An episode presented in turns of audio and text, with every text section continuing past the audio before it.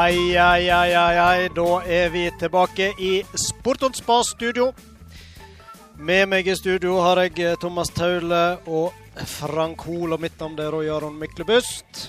Ja, hvordan går eh, Har, har høsten gjort dere vel, gutter? Ja, det Ja. må vi vel si. Kort og greit.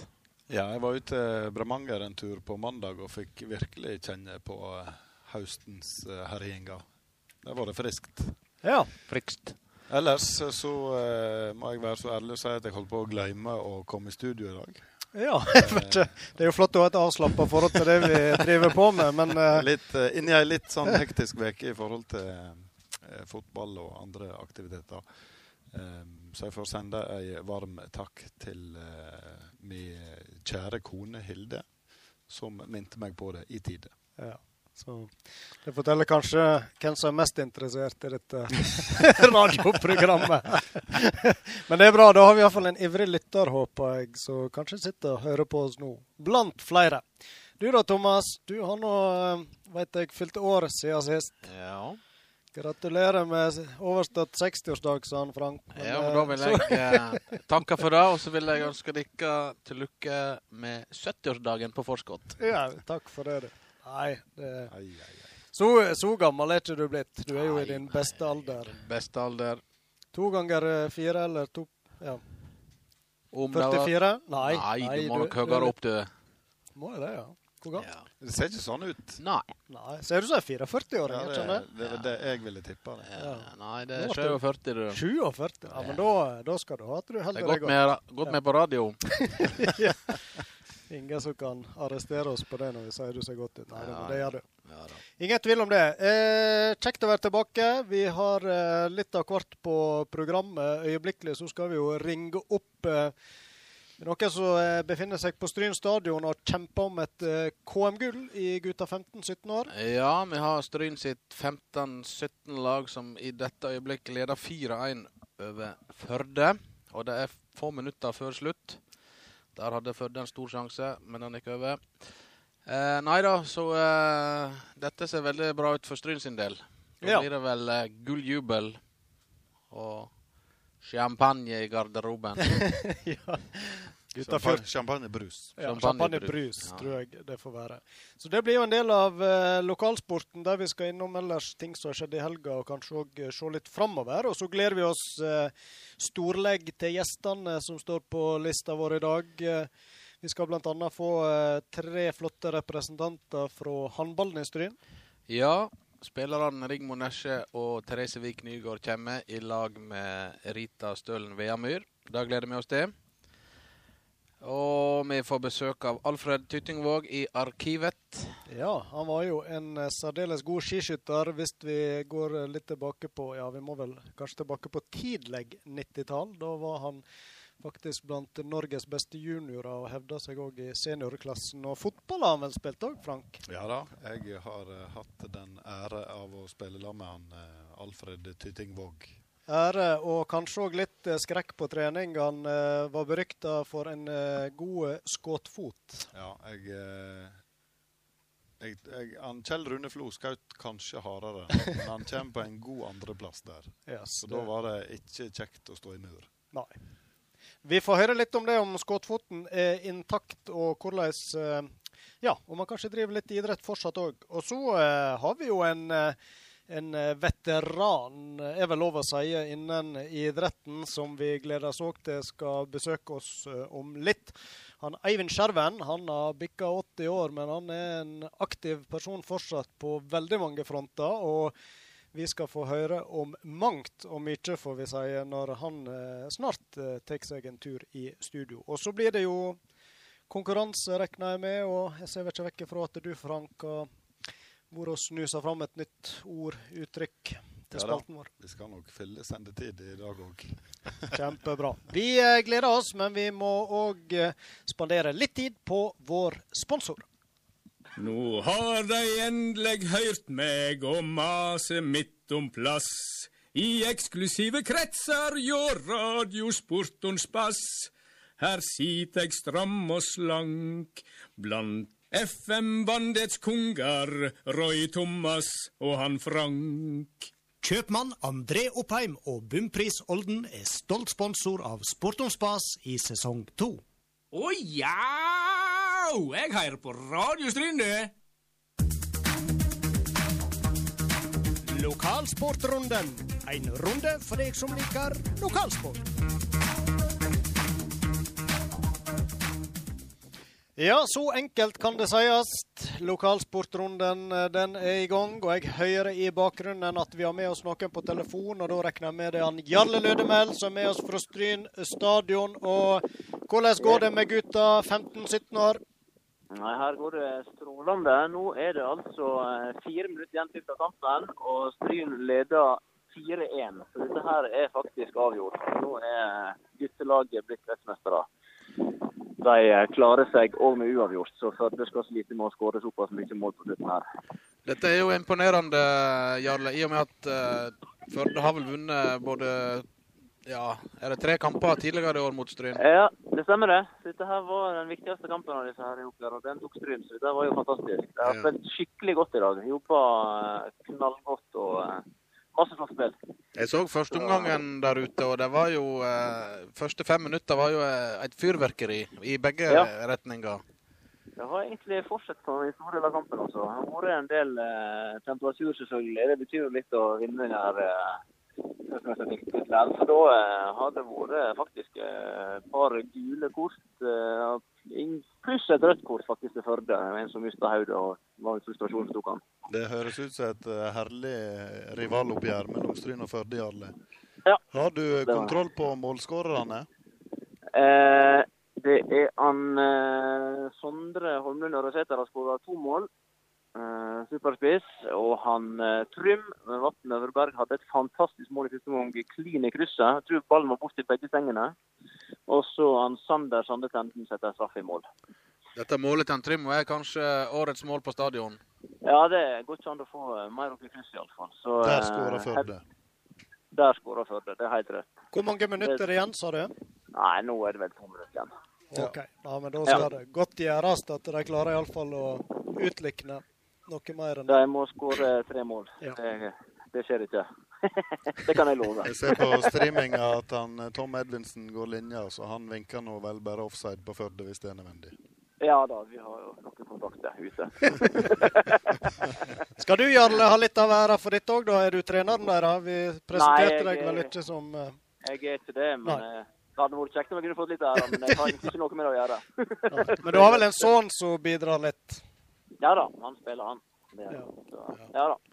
Nei, det har vært kjempe, kjempegod laginnsats. Veldig bra. Ja, Du vet, du vet Jarl, at du er jo eh, reservereporter i Sport om spas, så eh, Ja, det er klart vi skulle ringe deg opp. lenge siden nå, så det var på tide dere tok kontakt. Og det, det klarte du veldig bra, Jarle, så jeg ser ikke vekk fra at vi kommer til å bruke deg eh, seinere òg. Men nå får du konsentrere deg om innspurten i kampen, og gratulere guttene så masse fra Sport og Spas-gjengen. Og så vanker det kanskje litt eh, champagnebrus om ikke annet. Ja. Det siste tillegget var viktig. Ja. Veldig bra. Tusen takk for rapporten, Jarle. Hei, du. Hei, hei. Jarle Lødemelder han eh, levererer som vanlig eh, når vi ber han om eh, ei tjeneste. Da eh, eh, tror jeg vi eh, bare går videre vi på lokalsportlista vår. Da har vi iallfall et eh, Strynlag som sikrer seg en KM-tittel, ser Ja. det ut som. Jeg må nå få lov å si det at Ja. det er utrolig kjekt når Stryn vinner sånne KM-titler der de setter lag som Florø, Førde og Sogndal på plass. Og Eid. Og Eid, ikke minst. da. Så det er utrolig kjekt, og jeg får nesten frysninger på ryggen av å se på disse guttene nå, for de jobber sokkene av seg i siste minuttet her. Og dette, mange av disse spillerne som spiller i dag, eh, vil nok utgjøre stammen i Strynelaget om noen sesonger, kanskje. Ja, kanskje der er allerede et par stykker som ja, Trymvatn Øvreberg har allerede spilt en god del kamper, og, og der kan følge flere att de allerede neste år. Ja. Så det er kjekt. Men vi har jo flere lag som kan bli kretsmestere. Damelaget var jo i aksjon mot Kaupanger 2 eh, på mandag. Der var ikke det tvil om hvem som var best. Nei, men Kaupanger leda 1-0 til pause. Ja, så Men uh, Stry jeg så kampen på, på TV, eller på streaming, og Stryn var nok det klart beste laget. Så uh, 5-1 sier nå sitt. Og nå blir det finale på søndag eh, mot Førde her på stadion. Og der vant Stryn 4-2 mot Førde, ja. I gutter 15-17, så da har vi fått bekrefta Vi gratulerer. Veldig bra. Eh, men vi har vel tenkt å ta oss en liten prat med Johan Sigurdsson på telefonen litt senere i kveld, så vi kan jo kanskje snakke litt mer om den kampen da. Ja, får vi ha med oss på en liten prat Ja, på han, tampen? eh, han er innstilt på det, så han sitter sikkert hjemme og venter og venter. Forbereder et lite innlegg der, ja. Lada telefonen. Lader telefonen. Ellers så var jo håndballdamene i Sogn eh, i helga og hadde sine første kamper i sesongen. Ja, og det må vi jo spørre deg litt mer om hvordan eh, den opplevelsen var å komme i gang igjen eh, med sesong. Dette er jo to eh, veteraner, kan vi vel si, som kommer på besøk her. De har iallfall vært med i mange år. Og er det like artig når sesongen dr drages i gang igjen? Jeg, Vi får nok snakke litt mer om de kampene når de kommer i studio, men det er klart, nå med ny Strynehall og ja, nytt gulv. Ja. nytt gulv og sant? litt ny giv i håndballgruppa, så, eh, og lokaloppgjør mot Eid i neste seriekamp, så eh, dette er tegna bra. Er det heimekamp òg? Det er heime.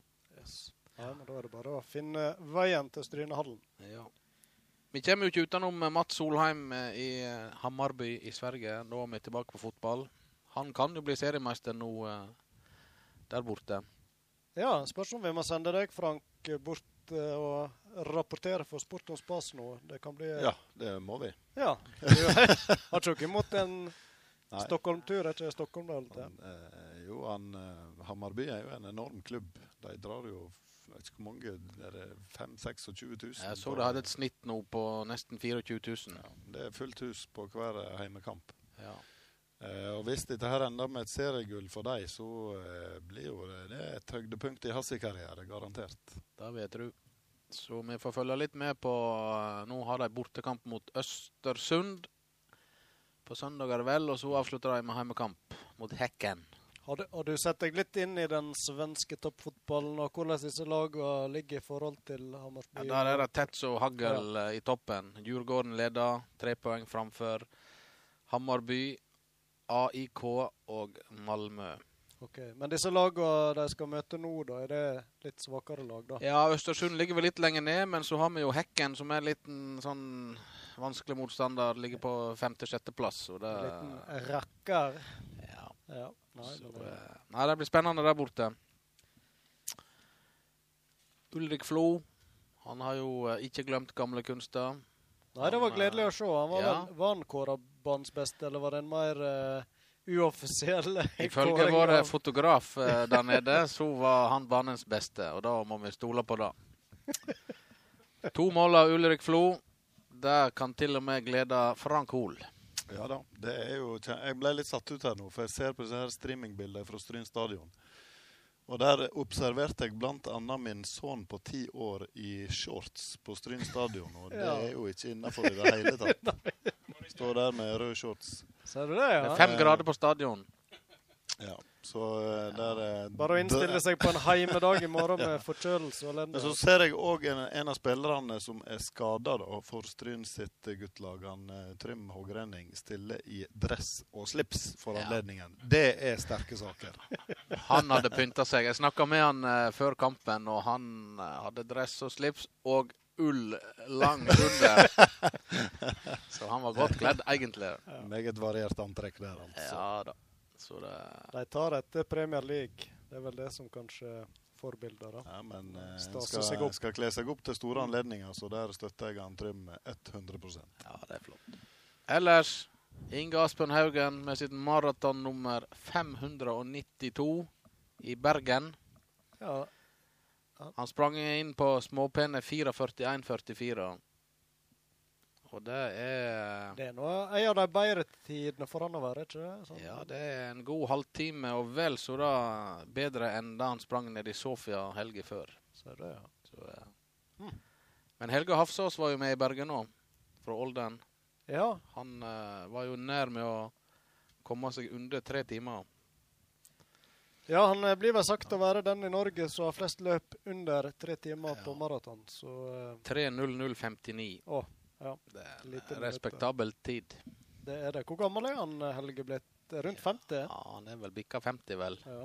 det er st sterke tider. Ja. Man må ta litt hensyn til det etter hvert òg. Ja. Ellers så nevner vi til slutt Isak Bergseth, nummer 13 i NM i nattorientering. Ja, han hadde vi jo med på en prat, og da eh, hadde jo han litt forventninger Ja. til uh, nattorienteringa, en øvelse han sa han likte godt. 13.-plass, kanskje ikke han er tipp topp fornøyd med det, eller? Eh, det Har du snakka med Nei, jeg har ikke fått snakka med han, men eh, Det kan hende det var kluss med hodelykta, og da blir det fort trøbbel. Uff, ja, da sliter du, sliter du litt i den sporten ja. der, ja. Nei, men uansett, nummer 13 i et norgesmesterskap, det Det høres jo bra ut, og det var jo en øvelse han gleda seg veldig til. dette der. Ellers så vi har lyst til å nevne um, gutte 16-landslaget i fotball. Der har vi hatt han Håvard Hetle. Han har jo spilt på Stryn. Mm. Men der dukker det opp et navn. Daniel Sæland Karlsbakk. Ja, Han har vel vært omtala før Ja, i vårt han. eh, kjære program. Og Men vi tar han en gang til. vi tar han. Kan aldri nevnes for ofte. Nei. Jeg må innrømme jeg har glemt at vi har nevnt han, så Ja.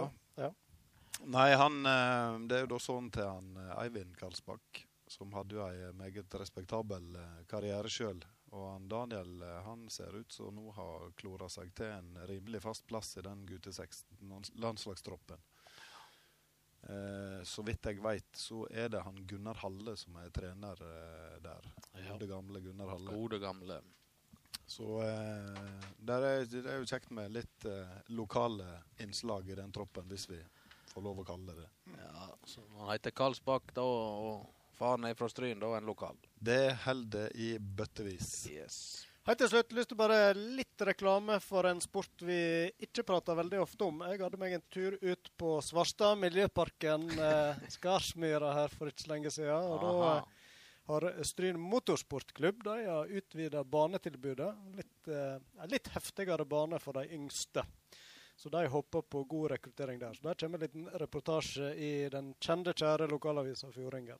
Så en liten teaser for eh, den. Men er veldig kjekt å se at det blir jobba innen idretter som kan være et flott alternativ til de som ikke nødvendigvis er altfor opptatt av å springe fortest eller ta seg opp på de høyeste fjelltoppene. I den forbindelse Ja. kan jeg ta med eh, Altså, jeg var ned på Eid i går på ei sonetrening for eh, 13-årsguttene. Og der ble jeg stående og snakke med, med noen andre foreldre og trenere ute i fjorden.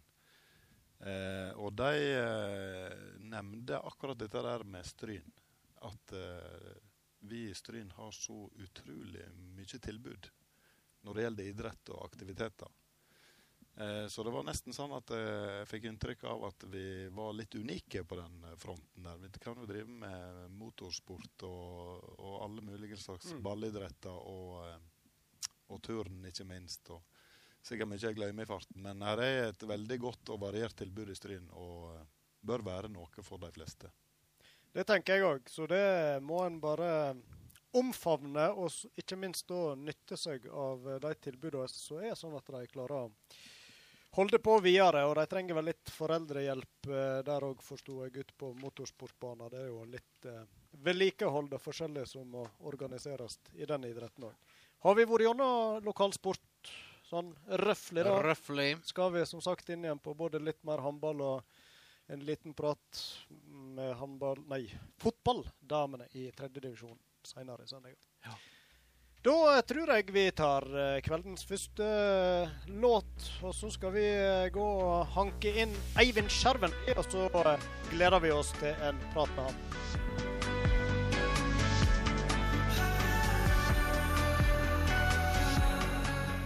Det var Sondre Justad det med Ilden. Og eh, da har vi både fått godsaker på plass i studio og Eivind Skjerven. Velkommen til deg. Takk for det. Ja, Du kom eh, med skålene med sjokolade og kaffekanner her, så eh, da tok stemninga seg opp av eh, flere grunner. Ikke minst for å få deg i studio som gjest. Det setter vi stor pris på. Jeg må jo si at jeg må gratulere Stryn med innsatsen. Eh, at guttelaget gjorde dette her. Jeg har jo eh, jeg tror jeg har bortimot eh, 1000 kamper, fotballkamper i disse 56 Ai, åra jeg har drevet. Tusen kamper. Det står Det er ai. Ja, det, det, ai, ai, ai. Ja, hva, eh, det med fotballdømming, hvordan begynte det, da? Nei, det begynner jo med at eh, han Sverre Heggen, som alle kjenner, han eh, kontakta meg fordi at jeg var jo spiller, hadde vært på Jotun da jeg kom her.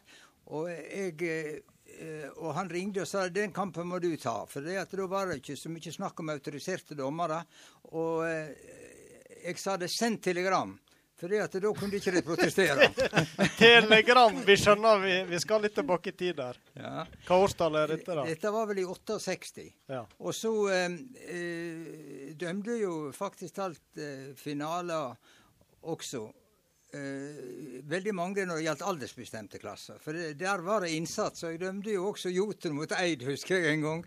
Der uh, disse var jo Flere av disse spillerne de var jo uh, tidligere ja, spiller, Foreldre deres hadde vært spillere sammen med meg på Jotun. Ja, så det var jo veldig spesielt. Ja. Men fotball det og fotballdømming det er jo bare én av mange ting du har drevet med, Eivind. Og vi skal innom eh, eh, litt forskjellige. Jeg vil jo tro at eh, Eivind Skjerven det, det, De fleste som er iallfall over 30 år, de tror nå jeg eh, forbinder navnet Eivind Skjerven med idrett. Det kan jo være både fotballdømminga som du er inne på, eller andre aktiviteter som du har engasjert deg i. og Eh, kan, kan du fortelle litt? Starte med det, kanskje. Ulike ting du har vært engasjert i opp igjennom. Det begynner vel faktisk alt med at eh, eh, jeg drev med skøyteløp. Eh, fordi at eh, i Årdal hadde vi et skøytemiljø, og det, det jeg opplevde, det var jo at jeg ble sognemester i yngste klasse inne i Årdal, på Hafslovatnet, med fem- 5000 mennesker på isen. Det kom 5000? 5000 mennesker. Det er dokumentert i, i Sogningen eh, Sognsavis tilbake igjen. Og det var jo en fantastisk oppleving for en 14-åring å komme der ikke sant? og oppleve dette miljøet. Og jeg var jo så ung, jeg fikk ikke gå på fest. Så da- 5000. Det var hele Indre Sogn. Ja. Og vel så det. Og vel så det. Og vi hadde jo Engestangen og uh, Amfinn Hott som trenere, så jeg hadde en dag ekstra med dem. Og uh, de var jo Vi, vi beundra jo dem, og vi lærte veldig mye. Og når jeg kom til Sandane, da, så var jeg med på tre Nordfjordmesterskap, der jeg ble nummer tre, to og én. Og jeg kommer aldri til å glemme i Olden, da jeg uh, ble best i juniorklassen. Og eh, jeg hadde en durabel eh, kamp med en som heter Brynestad. Jens Ja. Brynestad. Ja. Eh, Jeg var rask eh, sånn at eh, jeg eh, hadde så mye til gode på de korte løpene at jeg ble best sammenlagt. Og det var en stor glede. Kom, Sogninga kom opp her ja, og ta KM-tittelen. Det var sikkert stas. Ja, og Det var jo et miljø her. og Jeg husker han Oddmund Tonning, han var jo senior, og han var jo langt over 40. Så eh, det var jo noen, så, noe som alle beundra, det at han eh, greide å holde koken med, han, eh, med disse her som var 10 og 15 år yngre. Men det er ikke så godt å få til skøyteløp i våre dager på fjorden lenger. Nei, nei, da var det jo på Vi hadde det ofte på vatna, på Å, ja. Og så var det også da på dette bremsvatnet der oppe med Gjelle. Ja. Så eh, det var jo et skøytemiljø her, og kanskje enda mer i Sogn, i Modig, eh, i Fresvik og i Lærdal. Og jeg må jo inderlig håpe at en greier å få til noe, eh, ei skikkelig bane inne i Lærdal som blir med frost, sånn at de kan, kan greie å få ei, ei bane som varer sesongen. For det er jo den her na- eh, temperaturen som vi har nå, som gjør at vi ikke får is. Eh, I Årdal så la jo det is på idrettsplassen, og der tok de så brannøving. Sånn at de sprøtte, og til og med det siste laget husker jeg de sprøtte med varmt vann, for da ble det den beste, blanke, flotte isen. Ja vel. Ja. Eh, Du er inne på det fra Årdal, det er der du er oppvoksen, og så eh, etter hvert så havna du oppe i Nordfjord. eh. Ja. Jeg spilte jo på Jotun. Jeg har jo hatt glede av å slått Sogndal, og det sier jo vi i noen anledninger. Så eh, hadde jeg et kretsmesterskap i fotball for junior, der jeg husker det at vi spilte på Syrils bane ganske langt oppe, da. Og så var vi så glad for vi vant 3-1. Og jeg hadde jo faktisk alt et merke på leggen, en løs deal, beindeal, eh, helt til eh, jeg var 50 år, da han festa seg igjen. Så den kampen den hadde et merke. Og han som jeg da spilte mot, han, han var jo far til en av de som jeg trefte på Norway Cup da jeg dømte der, og laga reportasje for NRK. Ja Eh. Så det, jeg har jo jobba litt i denne bransjen i Ja, det- i tolv år.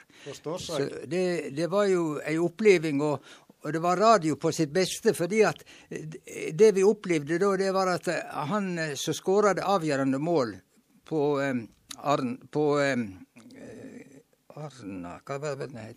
Ja, på denne klubben som vant, da. Og han gråt i, i radioen. Du da, og tårene rann fordi at det var en sånn jevn kamp som sto og bikka hele tida. Ja, nei, men det er mye følelser i idrett. Jeg ser ikke vekk fra det ble felt noen tårer ut på Stryn stadion i dag òg, når KM-tittelen var. Men eh, eh, var det skøyteløp som var din idrett sånn i ungdomsår og sånt? Jeg har jo prøvd Jeg har jo turn har jo faktisk hatt et kretsmesterskap i sprang. Yes. Fordi at Det var jo sånn som vi drev med som gymnastikklærere. Vi sprang på kasse og bukk og dette her. Sånn at det slengde jeg med en gang. Og likeens gjorde jeg det i friidrett da det var KM i Årdal. Så da fikk jeg en bronsemedalje i stavsprang. Og det var en veldig spennende eh, konkurranse. Eh, Fordi at vi var så jevne. Ja vel. Ja. Hvor høyt eh, Nei, vi var vel oppe i 2,50, så det var jo ikke det. Men det var jo, vi hadde jo en staur, da, vet du, og ikke disse her stavene som vi har nå. og problemet var jo vi hadde ikke skikkelig grope å, å lande. Så jeg opplevde jo en sommer jeg måtte, fikk ikke bade i det hele tatt, for da brøt jeg handa på stavsprang. Å ja, du landa rett på Landa og fikk handa inn under kroppen og knakk. Det var ikke tjukkasmadrass. Det var hesjestaurer dere brukte da, altså? Ja, det var ja, gode laga staurer, ja. Rett og slett.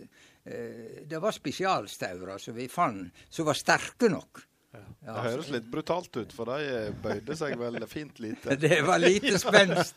Du fikk lite hjelp der. Ja, ja. Det er sikkert. Men jeg prøvde å spørre deg ut litt, Eivind. Hva som gjorde at du enda opp her i Nordfjord? da? Eh, Nei, jeg fant jo Da jeg kom til Sandane, og, og så trefte jeg ei strynejente. Ja, Sandane var stud... Altså Eh, På gymnaset, ja. Ja. På gymnaset. Og det var jo fantastisk kjekt å, å være der.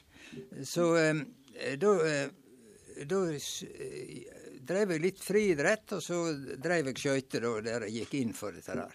Så det var jo eh, det var trening som jeg kunne drive, og det var ikke så mange konkurranser, for det gikk veldig mye på fjellet. Og det har jo slått ut seinere, i både Indre Nordfjord Turlag og Sogn og Fjordane Turlag, som jeg har starta. For jeg ble så glad i Nordfjordsnaturen. På Sandane er det akkurat det samme som her i Indre Nordfjord. Du har, bare, du har ikke problem hva du skal gå, men du har problem hva for en dal du skal velge, hva for en topp du skal velge. Så det, det, det er et eldorado her. Og jeg har jo vært 109 ganger på Lodaskåpa, som liksom er krona, dronninga som vi kaller henne, på eh, Lodaskåpa. eh, På Jostredsbredden. Ja, Har du rekt å være over stort sett det som finnes av topper i Nordfjord i løpet av åra her oppe, eller? Altså, eh, nå etter at jeg slutta som firma på dette her med, med brevføring, eh, så har jeg eh, prøvd å variert en god del. Så nå har jeg fått da toppene også i andre kommuner. Ja. For det ble litt ensidig da du drev dette både i Indre Nordfjord Turlag med kurs og alt mulig. Og, og det er jo veldig gladelig at jeg treffer igjen eh, mange folk som sier det at ja, jeg var med deg på Loderskåpa. Og det, det kommer jeg aldri til å glemme. Og eh, jeg må jo bare si at eh, det- det var jo en kamp ofte om å nå opp der, da. Fordi at du hadde dette med tåke. I dag har jo du instrument så du kan gå mye tryggere. Og jeg husker det var tre damer, sånne forretningsdamer fra Oslo som kom og skulle gå på Loderskåpa. Og de eh, Vi opplevde et grusomt vær. Og så var det en fra Canada som var med. Så spurte de, vi sto på Lisjekåpa, spurte jeg skal vi gå på toppen. Og da sier han amerikaneren 'Yes, we go'. og, og da ble de med, men vi så absolutt ingenting. Men 14 dager seinere så kom disse tre damene tilbake igjen, og i strålende vær så opplevde de dette her. Og det, det, det var jo en opplevelse. Men eh, når du sier Lodaskåpa, dette var del av kanskje brevføring over Josten på langs, og er det den type turer du hadde med? Ja, jeg hadde jo Josten på langs eh, også, og de eh, var jo fantastiske. Eh, jeg har eh, enkelte ganger, enkelte år ut fra familieforhold, når det er små unger og sånt, så var jeg nede her og administrerte alt. Og jeg må si det at jeg har fått måttet trøste mange møre når været har blitt grusomt dårlig. og og vi hadde ikke den kommunikasjonen som vi hadde i dag. Så jeg må si det at enkelte ganger så lå jo det værfast. Og det gjorde jeg en gang sjøl da jeg var med på Josten Palangs. Oppe for Kvamme, oppe i uh, Oldedalen. Og der uh, bygde vi For det, jeg hadde jo lært gjennom militærutdanning at uh, folk må være i aktivitet. Og vi bygde en svær mur av snø Slik at den muren sto jo helt i august måned det året. Og det var en mur for, i liv for været, for det ble dårlig. Og det, det, var viktig da at folk som begynner å spørre hva veit du, er, vet du hva vi er nå, og alt dette her, eh, så sier de at eh, dette, sånne dumme spørsmål stiller ikke vi. Nå lager vi denne muren ferdig, og så skal vi gå ned eh, da en annen plass hvis ikke det går. Det måtte vi gå ned da til Kvamme i Oldedalen. Og heldigvis var Jon Beines med, så han fiksa en buss som stod der, og vi kom oss tilbake til Stryn. Men fire stykker fortsetter i dette grusomme været, og de kom helt til Gaulafjellet. For den gangen var Josten på langs til Gaulafjellet, og ikke til Fjærland, så det var én dag mer. Yes. Men uh, denne her interessen for fjell og vandring og brevføring og sånt, eh, det har vel ført til en RS-medlemskap, har ikke det? i i jo, jeg, jeg ble æresmedlem eh, faktisk alt. Du var jo der og så oppe ja, på Gjelle i høst. Ja. Og det var jo Det var jo en opplevelse, det å, å bli påskjønna for arbeid. For det var veldig mye arbeid med Indre Nordfjord Turlag. Og det var jo slik at eh, vi var jo i en i en skvis med idrettskretsen til å begynne med, fordi at de arrangerte disse kursene først. Og så hadde vi fantastisk eh, påmelding og kurs fra hele landet. Og det hadde sin årsak i at vi brukte voksenopplæringsmidler, så vi kunne lønne instruktørene litt mer, og så ble det mye billigere kurs. Så det strømde til. Vi hadde tre brekurs da i 79. Og det er jo ei fantastisk oppleving nå når det var en oppe i Oldedalen som hadde tatt opp en film derifra som nettopp har laga til 100-årsjubileet, som vi skal være med på i idrettskretsen ja. nå i slutten av november. Spennende. Vi skal prate mer, Eivind, men eh, nå skal vi høre en låt der som Er det riktig at han er komponert med deg som inspirasjon? Av eh, Arne Sølberg, vår lokale spellmann? Han Arne Sølberg han har gått i mine fotespor. Eh, når det gjelder utdanning og når det gjelder interesse. Og han eh, trefte jeg da to år før, eh, han, før jeg var 80 år. Og da sa jeg til han at du må lage en melodi, for jeg har hørt på deg så ofte og tykker det er fantastisk. Og da fikk han Og jeg var jo til og med med og slepte den, den CD-en som denne musikken er på, i Kulturhuset her i Stryn. Og denne melodien den heter da 'Fjellmann', og det passer knakende godt på meg. Da hører vi på uh, 'Fjellmann', og så skal vi snakke litt om maraton og litt uh, andre ting etter hvert med Eivind Skjerven.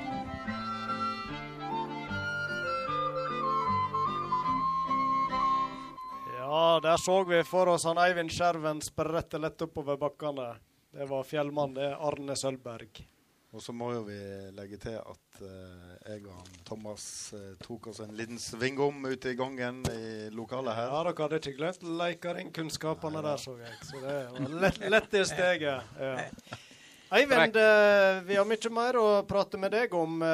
når vi først får deg i gang, vet du, da er ikke til å stoppe, for du har vært med på litt av hvert. Men jeg tenkte vi kunne snakke litt om dette med, med stavgang. Det er jo noe du har engasjert deg i? Syns det er en flott aktivitet å drive med, det her barmarkstrening med staver? Ja, det, det, det, var jo slik at når jeg begynner med dette her i kring århundreskiftet, så fikk jeg jo mange fleipete replikker om at eh, hva er skia, og hva er du driver med? Men jeg eh, gikk da et, eh, et kurs på idrettshøgskolen, for jeg ble haka inn av Bedriftslederforbundet og Bedriftslederskretsen. Og det gjorde at jeg fikk ei skikkelig utdanning med ett år, med ei heil uke på, på toppidrettssenteret, der vi ble analysert både øvingsbildene våre og likeens fikk en teoretisk bakgrunn. Så jeg ble sånn internasjonal stavgangsinstruktør. Jøss, yes, det er det. flott diplom på veggen. Og så på ryggen på treningsdrakten. Oi, oi, oi. Ja. ja. det er flott. Ja. Så jeg har hatt da 65 kurs i uh, rundt om i, Norge. De fleste i Sogn og Fjordane, da. Men eh, jeg må si det at eh, dette med stavgang, det eh, fra fleip til alvor, så ble dette eh, slik at jeg snakker kanskje for mye om stavgang. For jeg ser hvor viktig det er, og jeg får stadig vekk tilbakemeldinger av folk som nå, nå er jeg gått opp på den toppen der, og det er fem år siden jeg var der. For det har med å, å kunne også bruke armene og, og eh, jeg må jo understreke at stavgang det er noe du bruker i motorbakke. Eh, Det kan for enkelte som har dårlig hofte og kne og sånt, òg brukes underbakke, men det er motabakken som er det viktige, og du får med hele kroppen på en helt annen måte. Sånn at jeg har mange som takker meg som har trøbbel med ryggen, kanskje sjåfører som sitter i biler mye, at ryggen er styrka. og må, det sier det, han Rolf Ola Tenden, jeg kan jo nevne han er en, en god stavgangsmann. Han sier det at jeg må ta meg en tur med stavene når jeg kjenner at det, lirk- at det knirker i ryggen. Ja vel. Ja, men da kan han være en ambassadør for det. Det har han vært. Og så eh, kommer vi ikke unna å prate litt maraton med deg, for eh, det er ikke mange år siden du eh, tok eh, sist iallfall halvmaraton og gjennomførte i Berlin. Du sitter jo med ei flott T-skjorte her, forresten, der Ja. det står Berlin 2016. Ja, med våpenskjold og alt Ja. her. Ja, det, det var i 2016, og det var faktisk det andre året jeg hadde kreft. Ja. For eh, jeg har gjennom kreftperioden da hele tida prøvd å, å drive med aktiviteter. Jeg har enkelte ganger følt at jeg måtte drege meg gjennom eh, å gå rundt sykehuset i Førde f.eks. Og, og komme meg ut og få litt frisk luft. Og, og i tillegg til det at eh, det er med å skape en vilje eh, til å overleve, som jeg tror har vært med å hjelpe meg. For to ganger har jo jeg vært sendt med sykebil, og det har stått om livet. Sånn at jeg har mye å takke Gud for at jeg fremdeles er frisk og førig. Og nå er det som jeg eh, opplever en ny vår i min 82. år. Det, ja, du ser, ser jo veldig godt ut, og godt humør og i ja, det når, hele jeg, tatt. når jeg tenker på tre måneder på sykehus og fire operasjoner, og at jeg eh, måtte ha skyss eh, når jeg hjemmefra og ut, og for kona var på omsorgssenter, og jeg bodde alene hjemme. Og en sa det nå en, her om dagen, en mann til meg, at ja, det var noen som sa jeg så så frisk ut. Og da sa de at ja, du skulle ha sett han da. Jeg måtte hjelpe han inn i, by, i bilen når jeg skulle kjøre han ut i sentrum. Det var han Rasmus Bø. Og han har jo da sammen med meg også en god trimmer, så vi har jo tatt idrettsmerket 60 ganger. Eh, Oi, Så det var vi, har vi fått utmerkinger for av idrettskretsen. Kjempemessig. Men Berlin. hva, hva er det som gjør at du, du, du har kommet eh, så sterkt tilbake etter sykdom, tenker du? Er det trening og Eh, Jeg har tatt idrettsmerke og slitt meg igjennom eh, alle disse fire åra jeg har hatt kreft. Så det har vært en påkjenning. Måtte til og med gå over og sykle. For det er jo en sånn Hvis ikke du greier å springe, så greier du kanskje å sykle. Så det som i grunnen er drivkrafta, det er å, å kjenne at kroppen virker. Og jeg må si det at til eldre blir, så er det helt fantastisk at jeg kan stå på morgenen og da kjører jeg et styrketreningsprogram med eh, ti øvelser, så jeg får, får kroppen i gang. Og eh, i tillegg til det da, så var jeg på en stor helsekonferanse i Wien, eh, der jeg eh, fikk lære hvordan en skal få tilføre kroppen det rette stimuli. Ja. Og hva, hvordan gjør en det? Ja, Det gjør en gjennom eh, et naturprodukt, da, et medisinsk eh, cannabis, eh, Det kan være Det, det Ja. forbinder ikke jeg med et, eh, ja, ja, et naturlig produkt. Ja, det var jo det. Og jeg, jeg må jo si det at eh, det var gjennom andre som jeg har drevet et sånt helseteam. For jeg har jo helseutdanning, da. Fra Sogndal, etter at jeg var skikkelig voksen. Og eh, der ble jeg da oppmoda om å reise på en konferanse i Wien. Og det var en HEMP-konferanse, het den. Og vi var 2500 mennesker fra hele Europa som lovprisa da denne CBD eh, cannabisen. Der det tar ut det avhengighetsstoffet, og så er det igjen bare CBD, som er smertestillende, er godt mot multiple sklerose og eh, epilepsi. Og mange plager. Og for mitt vedkommende så ble det et nytt liv. Og det er ikke bare det at det tar rent medisinsk å virke, men det, også, det gir deg en lystfølelse som er helt uh, utrolig. Så jeg er en glad gutt. Ja, det ser jeg. Du, du, du, du sitter, vi må nå forklare han, sitter med ei flaske. Det kan minne om en sånn eh, nesedroppflaske. Så, så er det bare moroa igjen. Ingen fare for eh, avhengighet. Men det er ikke mange i Norge som får moro ut av dette. Da må du være tøff. Men, men jeg må jo spørre eh, Jeg syns, vi må spørre. Det, det er lovlig, dette her? Ja, det er så uh, firkanta her i Norge at her jeg sitter, så har jeg lov å bestille dette her. Eh, gjennom eh, da, eh, produsenter fra Nederland og delvis Danmark også, slik at jeg har lov å bruke bestille det til eget bruk. Ja. Og det er jo helt latterlig at vi ikke kan få selge det, for i Sverige og i Danmark I Danmark er det vel kanskje en tredjedel av folket som bruker det. Og, og folk er jo gladere og, og blir blide, og det får et løft. Men- Så eh, Men er det først og fremst for eh, hva skal jeg si, humøret du tar det, eller er det òg en slags smertestillende Jeg var jo veldig plaga med kroppen eh, da tidligere, før jeg brukte dette. For jeg var, hadde tjuvstarta før jeg var på denne konferansen, sånn at jeg, jeg hadde følt at det gikk ganske bra. Men der nede var jo lovprising de luxe fra alle Det land. var hallelujastemning. Det var, kan jeg det, det er den største helsekonferansen jeg har vært på. Jeg har jo vært på noen, da. Ja. 2500 som lovpriser dette i to dager. Vi hadde det riktig gøy. Jeg ser for meg 2500 stykker som knasker cannabis nedi vinen. Ja, Så slipper du å drikke 14 halvlitere for å komme Ja. i stemning. Ja, ja, Men det du sier, er at eh, det, det, du kan ikke spandere dette på meg, f.eks. Det du har med deg her. Nei. For da, da bryter du en lov. Ja, det, det er lov til å ha til eget bruk. Og, og det, det er jo så strengt her i landet. Det kom jo fram på et TV-program at eh, doktorene må søke om å få lov å bruke det. Og så kan jeg bare skrive jeg, til rette adresse, så får jeg det. Så det er jo helt utrolig. Og det er bare stort sett én doktor som bruker det. Så jeg vil si det er en hån mot folk som er sjuke, at ikke legene tar dette i bruk og gjør livet litt mer lystbetont. Og Tordis som er på omsorgssenteret, hun er gladjente de luxe, det har hun alltid vært, men ekstra nå etter at hun. Nei, men Det er kjekt å høre det effekt. Og dette er bare et par dråper, det, da. Det er to dråper under tunga hvis du har sterkeste sorten. Ja. Og det er kveld og morgen. Og Men, du, eh, og du har sterkeste sorten. Ja, dette er gull. Du ser nå det. Du ser gullflaska her.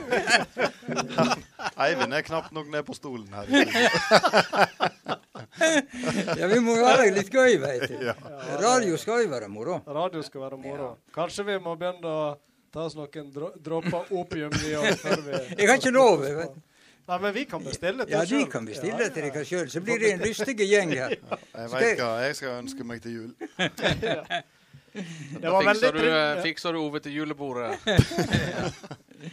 veldig trivelig å ha besøk av deg, Eivind. Eh, Til slutt så tenkte jeg eh, jeg har bare lyst til å høre om du Har du et lite sånn tips på tampen her til folk som kanskje er kommet litt opp i alder? Du er jo 82 år sjøl, som du forteller. og de, de som ønsker å holde seg i aktivitet. Er det stavgang som kanskje idretten da, aktiviteten, eller er andre ting du vil Ja, jeg vil jo si det at eh, mange de eh, har jo glede av stavgang, som jeg fortalte sist. Og nå eh, på onsdag så var jo han Henning Rivedal her. Og han eh, var den første som kjøpte staver hos meg. Og det var jo ei spesiell glede at jeg nå kunne gi han noen skikkelig flotte med asfaltsko som du kan slå opp. For dette utvikler seg også sånn at damene tykker det at det er ikke bare sporty, men det er også fancy når det gjelder fargen på stavene. Og det har gjort at stavene har fått et nytt løft. Og eh, jeg må si det at eh, når jeg er ute og går og eh, Det er jo to stykker her i Stryn. Det er Rasmus Bø som jeg har nevnt før, om Gulbrand Honning. Det er jo slitt ut et par. Så det er jo eh, faktisk slik at eh, du kan supplere med nye pigger og nye håndtak hvis det er nødvendig. Og eh, stavgang det er i alle fall en grei måte å komme seg i gang. Er du litt stabbete og nabbete og ikke veit helt hvordan det skal gå, så er det godt å ha noen staver å støtte seg til. Og da kan du gå kanskje dobbelt så langt som du ellers ville gjøre. Og eh, du får hele kroppen med på en spesiell måte, og du får frisk luft i tillegg. Da trenger ikke en opium engang. Ja, det er godt Eller- med ja, ja. noen dråper. Flott, Eivind. Da eh, ønsker jeg deg en fin kveld videre. Takk for besøket. Og så eh, må du ha en eh, flott høst med mye god aktivitet. Og hold, ja. Jeg må bare si helt til slutt at det er veldig kjekt at de fører radioen videre. For som de kjenner til, så var det en familiebedrift nesten dette her da vi starta med en Einar som redaktør og en Stig Arne som tekniker. Og så hun eh, kona mi som kritiker. I tillegg så var jo jeg med å lage da program, så ikke det skulle ta helt over dette her med ungdomsprogram. da. Så jeg laga dagens gjest, så jeg fikk det litt ned på jorda med vanlige folk òg, ikke bare ungdommer. Hva terningkast fikk du fra kjerringa di? Jeg tror ikke hun har opplevd Jeg har ikke fått noe terningkast, men jeg får umåtelig mange klemmer. Og etter at jeg nå begynner med opium for å komme tilbake igjen til det, så er det mye mer lystig å besøke på heimen. Da ønsker vi en lystig kveld til Eivind og eh, ellers folket der ute. Men vi eh, fortsetter videre vi snart. Hører litt musikk nå, og så skal vi få besøk av tre flotte damer fra Stryn håndball. Eh, vi har fått besøk av tre damer i studio fra Stryn håndball. Velkommen til Rita Stølen Veamyr, Rigmor Nesje og Therese Vik Nygård. Takk, takk. Eh, først av alt kan vi kanskje gratulere dere, Rita, med ny hall. Det er jo ikke bare de som bruker hallen, men eh, det er i hvert fall en stor bruker. Ja, Vi er veldig fornøyde med at den nå er klar, og at vi kan få begynne å trene i uh, Strynehallen igjen. Vi har jo begynt litt seint i år, men hallen har blitt uh, kanon, den. Hva dere sier dere som bruker den? Ja, kanskje vi må høre med og Rigmor og Therese. Jo, vi merka veldig, veldig stor forskjell på at eh, gulvet hadde forbedra seg. Ja. Det gjorde vi. Kjente at det var mjukere underlag. Ja, nå var jo det gamle gulvet godt og vel 30 år, og vel mer enn det. Så det var vel kanskje på tide med en eh, utskifting der. Eh, men eh, de har ikke spilt kampen da i Strynehallen. De var i Sogn eh, nå på lørdag og spilte dobbeltkamp. Hvordan var det, Rigmor? Å, det var kjekt. Det var kjekt å begynne på igjen. Ja. Det var det. Vi hadde Vi har jo som sagt ikke trent så veldig mye innendørs. Vi har heller ikke spilt så mye i lag, det er ergo, vil jeg si. Så det var å spille i lag, det var jo en utfordring i seg sjøl, men vi naila den. Og vi bare gleder oss til heimekampen, så vi kan vise progresjonen i det vi har gjort på. Ja, det ble jo to spennende kamper nede i Sogn mot eh, Først var det vel mot Vik, der de drog den i land. og Det var vel kjekt med å starte med en seier, Therese. Ja, det er perfekt kamp å vinne. Du sliter Eller jobber hele, hele kampen, og så vinner du på slutten. Det er det beste. Ja. Men vi snakket om det. Hvordan er det? Dere har jo vært med i mange år og, og spiller for Stryn. Er det, er det en like gira å, og begynne på igjen, eller? Ja. Jeg Ja. syns det er helt supert å holde på med. Altså Det er viktig å drive med sport, og når en har en noenlunde kropp til å gjøre det, så er det bare å kjøre på. Men du Therese, jeg vet jo at du eh, har lagt opp både én og to og kanskje tre ganger. Men nå er det fullt kjør. Jeg har hatt med noen år der jeg liksom har Nei, nå, eh, nå kan ikke jeg drive på lenger. Og så kommer vi ut i november, begynnelsen av desember kanskje, og så tenker jeg ja, jeg kan jo være med på trening. Og så er det én trening, og så har jeg fått spørsmål kan du være med på kamp. OK. Bare én. Så i år så tok vi all in, og så prøver vi fra begynnelsen av. Ja. Men er fjerdedivisjon et uh, mer eh, passende nivå for uh, Ja, de har jo unger og familie. Absolutt. Det er jo mye bedre å spille i fjerdedivisjon. Nå er vi et helt nytt lag, et rent lag, et strynelag. Det er jo mange år siden vi har vært et rent strynelag. Og det er jo ekstra kjekt, det òg. Og at det er flere som henger seg på, virker det som.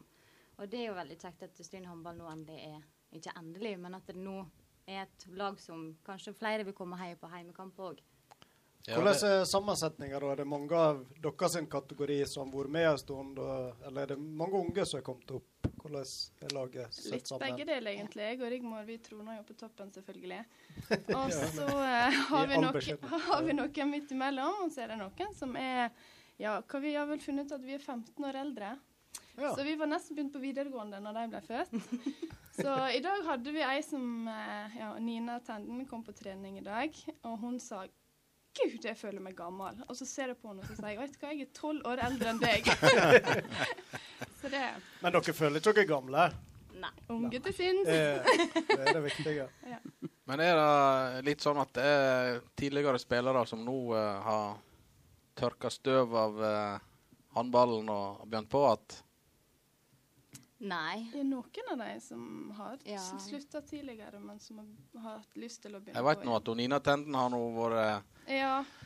Det er noen Ute som noen ikke har sesonger. vært helt komfortable med tredivisjon og bergensspilling, og som ikke var, hadde lyst til å å drive med det, da. Som Ja. har kommet tilbake nå.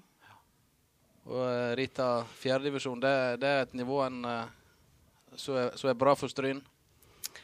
Det er jo del, eh, det er jo bare laget fra Sogn og Fjordane, så det blir jo en del eh, spennende lokaloppgjør. Ja, det blir jo det. det jo, jeg vil tro at det er mer publikumsvennlig å komme på disse her kampene her. Da. Det blir veldig spennende.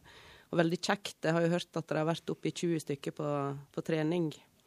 Eh, så det har jo vært eh, Det er helt supert. Og jeg tror at eh, det Altså, Stryn er, er for lite, og det er for lite spillere i forhold til å eh, skulle hevde seg i veldig høye divisjoner. Eh, så det Jeg tror at vi er der vi skal være nå, og så kan vi heller vinne det, da.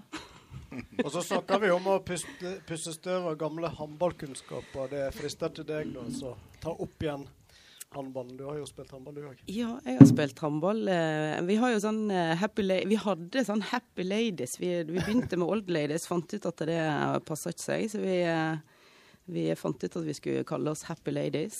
Høres ut som Eivind Skjerven er trener. Ja. ja, men det kunne ha godt vært, for det er jo, vi er jo nesten like gamle. Og så eh, Men det, det er jo litt sånn da at hodet vil litt mer enn føttene på, på For å snakke for meg sjøl, da. Eh, ja. Så hodet springer ganske fort. Eh, Ja. Så blir vi litt sjokkert over det som skjer lenger nede, men Men det er kjempekjekt, da. Det er er fortsatt moro. veldig moro. ja. Ja. Det har jo vært litt eh, Det er jo ikke til å stikke under stol at det har vært litt tøffe tider eh, i håndballen. Og Stryn har vært høyt oppe i divisjonene og kanskje ikke hatt som du sier, spillere eller grunnlag til å ha lag så høyt oppe. Mm. Er, det, er det en ny giv i håndballgruppa nå, vil du si det? Nå er det en ny hall, blant annet. Og det virker som spillerne er fornøyde der de er nå. Du, vi føler at vi er skikkelig i medvind akkurat nå. Eh, det må jeg si. Det, hele håndballgruppa er jo på en måte omorganisert, og vi jobber jo fortsatt med det. Eh, vi er jo ikke i en posisjon eh, per i dag der vi kan ha daglig leder, og vi heller ikke bruker penger på det. Så det er klart at det er dette her er dugnadsarbeid på høyt nivå, som på mange andre plasser, altså. Men og vi har med oss masse gode folk eh, til de ulike posisjonene. Så vi, der er mye å få. Det er bratt læringskurve på oss. Du Rigmor, du er vel eh, er det arrangementsansvarlig du er? Jeg blir sportslig leder. Sportslig leder, var det, ja. Yes. Og eh, Rigmor sa ja. Hun visste ikke hvor mye arbeid det ble. eh, så det var utrolig mye mer enn hva jeg tenkte at det kom til å være. Eh, det å ha kontrollen på alt som skjer i hallen, og alle som vil stille spørsmål. Og så har ikke jeg fått opplæring i det jeg skal gjøre, så det er Rigmor gjør ting hun ikke kan. Absolutt. Men eh, jeg føler at jeg får det til, og jeg har fått masse god hjelp med Odne Grete. Trenger jeg noen flere utover spørsmål, så får jeg bare beskjed, send melding til regionen, og det har jeg blitt flittig. Men entusiasmen er der i klubben, høres det ut som. da, at det Entusiasmen er der i høyeste grad. Det er det. Og vi var jo så fornøyde. Vi var litt nervøse. Vi tenkte nå skal vi liksom feire. Vi føler jo at det er vår idrettshall, kan ikke vi si det, da? Ja. Eh, så vi ville jo ha vår egen åpning og sånn. da, og var jo veldig spent på om det kom noen i det hele tatt. Og sto der med ei diger marsipankake, og jeg fikk jo ikke være med. Masse pølse. Eh, og så sier de jo det at det var nesten 200 stykker der, så vi eh, Det var jo kjempesuksess. Ja, og eh, jobber jo veldig med å rekruttere flere, at dette her skal være løye. Og det er vel det som på en måte er, vårt, er mottoet vårt òg nå, at det skal både være trivsel og, og eh, eh, ja, at det skal være kjekt å være på håndball, da, så ikke på en måte fokusere og bruke mest energi på, på senior og den biten, selv om Så jeg skal få dem òg. Mottoet hos dere er absolutt alle med. Det er da kanskje Eh, ja. ja, vi har jo, eh, vi har jo jobba litt med disse her eh, mottoene og Ja. visjonene våre og alt dette her. Men Har dere et flott slagord på gang, eller? Ja, hva var det Vi, har, vi lagde oss et i helga, og det var fyrt. Men jeg husker ikke hva det står for. Rigmor, det må du ta. Eh, ja, det sto for eh, fair play, eh, idrettsglede, eh, respekt og trivsel og trygghet. Fyrt. Fyrt, ja. ja. Firt Mm. Det, det, jeg merker meg det kommer jeg aldri til å glemme. Jeg kommer heller aldri til å glemme, jeg kommer aldri heller til å glemme at han skjerven tok bronse i stavsprang. Med hesjestaur. Med hesjestaur og ingen madrass. Fantastisk. Hvor mange spillere har de nå i sving i håndballgruppa, Rita? Nå Med spør- stort og smått. Nå spør du godt. Ja. Eh, jeg har nettopp lært meg, og vi kommer oss inn på den medlemsoversikten på sportsadmin. Har du fått, uh, fått passordet? Jeg har fått passordet. Passordet firt. Eh, nei, vi er jo eh, Jeg lurer på om ikke det var sånn 250 medlemmer eller noe sånt eh, nå. Eh, ja. Så eh, Og vi skal jo bli flere, da, Ja. selvfølgelig. Ja. Hvordan er det i forhold til tidligere år? Vet du det? Er det sånn, Holder det seg relativt stabilt, eller? Ja, jeg tror det holder seg relativt stabilt. Vi, eh, vi mangler jo selvfølgelig eh, Vi mangler mye gutter. Og det er liksom litt fokuset vårt nå med at guttene skal skjønne hvor eh, løye det er å spille håndball, og at det er egentlig de tøffeste som, som spiller det. Ja. Så det skal vi jo på en måte jobbe med, da. Rekruttere rekruttere òg utafor Stryn sentrum. Da er vi litt opptatt av at vi må komme, komme inn til Stryn, sånn som jeg gjorde i sin tid, Ja. eh, og spille håndball. Så eh, Til og med de ute i tunnelene? til og med de klarte ja. å møte opp. Eh, vi var 13 år før vi begynte med det, før vi fant veien. Nå er jeg spent på om du møter opp. Nei, håndball har jeg aldri prøvd, tror jeg. Kanskje på skolen i en eller annen sammenheng. Ja. Men hvordan skal dere overbevise guttene, da? Er det, Ja, det er det store spørsmålet. Ja. Vi begynner her på Radio Stryn. Ja. Du, du Frank, har jo spilt håndball litt, har ikke du det? Jeg gjorde litt, gjorde jeg det. Men fotball En tok del, jo deg eh, òg, del år. Men det jeg satt og tenkte på nå, eh, når Rita snakka, det var det at jeg husker jeg var på et, eh, et trenerkurs eller hva det var, med en eh, kar fra kretsen. Og så kom dette der opp, da. Eh, hvordan de på en måte anbefalte spillerne å gjøre det vinterstid. Og han sa det at eh, eh, Sånn som i Stryn så har det jo alltid vært vanlig at en spiller fotball, og så er med på håndball om vinteren. Det har liksom vært eh, sånn i de fleste år, iallfall. Og han sa det at eh, allsidighet er ekstremt viktig. Uansett hva idrett du liker best, om det er håndball, så bør en være med på sånn som fotball f.eks., eller andre ting. Og fotball, eh, de som liker fotball best, bør gjerne være med på håndball om, eh, om vinteren og vinterhalvåret. Og det er ikke noe problem. Det, det er bare positivt at ungene er aktive, og helst så mye som mulig. Og vi har masse tilbud i, i Stryn og ei håndballgruppe som nå er på en måte litt restarta og på vei opp igjen. Så, så må det være et glimrende tilbud på vinterstid, tenker jeg. Men eh, jeg, jeg, jeg sitter kanskje med et inntrykk av at uh, guttene går for én idrett, men så kanskje jentene eh, greier å kombinere flere idretter på samme tid. Er det, er det et feil inntrykk jeg har, tror det, eller er det Det er jo liksom både og, da. holdt på å si. Nå har vi den eh, Are Njøten, han trener da gutte-10, Og de er jo 20 stykk. Og de spiller både fotball og håndball.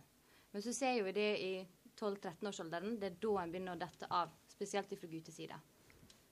Så det er jo på en måte å finne ut nøkkelen hvordan vi klarer å bevare spillerne fra 12-årsalderen. Og på en måte vi må passe på de vi har, at de fortsatt vil spille håndball. Men det er jo den nøkkelen vi på en måte må prøve å finne hvordan vi skal klare å passe på det. Vi ser jo òg at fotballen er jo mer og mer basert lenger utover enn hva Altså som i en vinteraktivitet òg, egentlig. Så da er det på en måte å kombinere litt med trenerne at det å snakke Du vet, når vi var unge, Frank, så fantes det ikke det kunstgressbane, så da Og knallharde grusbaner frista ikke så voldsomt, så da var det å spille håndball på vinteren. Ja, men jeg, jeg syns det er et godt eksempel du nevner. Are er jo involvert i fotballen òg, med samme gjengen. Ikke sant? Og da, da er for det naturlig at det blir samarbeid mellom fotball og håndball, i og med at han er, han er involvert på begge fronter der. Absolutt. Og det er jo nøkkelen til å få det til, tenker jeg. At en må rett og slett bare samarbeide. For håndballgruppa er så stor, og fotballgruppa er jo enda større. Sånn at det er de som tar på en måte beslag på flest unger. Og da må det være et samarbeid Så fotballtrenerne bør egentlig òg begynne som håndballtrenere. Det, Det- var det som Det hadde vært det beste. Det var det beste. Det var, det var ikke det jeg sa, men iallfall så bør de, de samarbeide med hverandre da, for å få den kabalen til å gå opp. Det er jo en veldig viktig alder den, der vi får mye frafall. Det er en viktig alder med å f få gode trenere òg. Vi har mye foreldre som stiller på fra de er små av. Og da, når, de- kanskje når de kommer opp i 12-13-14, så føler kanskje foreldrene at de ikke har så mye mer å gi, at de trenger noen andre. Og det er kanskje der vi må jobbe for å få Stabile trenere. gode, stabile trenere. Har du, Frank, jeg hører du godt gått Mhm. trenerkurs, så du skriver det ned på lista. Det, ja, det var en annen Det var ikke et håndballtrenerkurs. håndball. Nei. Nei, men vi kjører sånn trenerkurs òg, så hvis du melder deg på, så Ja, jeg skal tenke på det. Men det må an å si òg, da, at vi har jo på en måte fokusert på det nå framover. At vi er nødt til å, å, å få gode trenere, sånn at det blir løye helt ifra de er små. Altså både barnetrenere eh, kurs, eh, som da er for de yngste, og så opp Og så trener det én kurs da, som de holder på med nå. Så det er nå en god gjeng som driver på å ta det. fordi Eh, det må nå på en måte både føle utvikling når du er på trening og mestring, og også at eh, selvfølgelig at trenerne skal føle at de eh, eh, mestrer oppgaven sin. Da. Og da er jo da det blir løye for alle. Mm. Til slutt så må vi nå spørre litt om ambisjoner i dere som er aktive. da. Eh, nå, hva tenker dere etter to kamper framover? Er det Sikter dere høyt, Vi hadde et spillermøte nå før, eh, før vi reiste, og da eh, tok vi vel sikte på topp tre. Oi. Mm. Ja. Hvem er det som er favoritt i fjerdedivisjonen, tror du? Eh, Eid vant jo Førde med over 20 mål, og vi har spilt treningskamp mot Eid, og de var sterke. Så det Hvordan gikk det med dere da, på treningskamp? Det gikk veldig bra. Ja. vi, var, vi reiste jo med utrolig mange spillere. Vi, Ja, var jo, vi, fire lag nesten. vi ble delt opp i fire Ja. lag. Så vi spilte eh, fire ganger 30. Eller var det Mm, ja, fire ganger 20. Fire ganger 20. Ja, Så da bytta vi på en måte på lagene etter 15 minutter, og så bytta vi inn. Mm. Så egentlig så vant vi, ja, på en måte, men så tapte vi. Så det ble uavgjort, Ja, jeg, egentlig. jeg har jo konkurranseinstinkt så det holder. Så eh, mitt, eh, min ambisjon er i hvert fall å vinne alle kampene. Og Eid de skal jo dere eh, møte nå ganske snart. Ja. Ja, det er 16. november. Mm. Da møter vi Ja. dem på heimebane. Så da satser vi på mye folk og stormende jubel. Og Bente Bjerkenås i arrangementkomiteen kjører på med litt show. Ja, du er både arrangementansvarlig og på banen. Hvordan kombinerer du det? da? Ja, nei, jeg er ikke arrangement, men uh, jeg er nå plotta inn på veldig masse forskjellig, Ja. så jeg, er- jeg tar på meg det jeg kan være Ja. med på. Men uh, som sportslig så må jeg eh, forholde meg til mine roller, og så er jeg Rigmor på banen, og så er jeg sportslig leder uten å få banen. Er jo Rigmor Er det hun som er hjernen i håndballgruppa, kan vi si det slik? Det kan vi si. Vi kan jo si det. Vi kan si det. Ja, ja. Ja, det er det. Men det høres ut som den kampen mot eh, Eid på hjemmebane kan bli en skikkelig thriller. nå. Absolutt.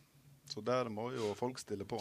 Men det er kanskje like greit at Eid vant den, den treningskampen, sånn at jeg tror det at vi er skikkelig dårlige, og så walkover. bare mm, Du veit da når eh, det nærmer seg slutten av den kampen, og det er 23-23 på tavla, da Da kommer disse damene til å ta ut det siste.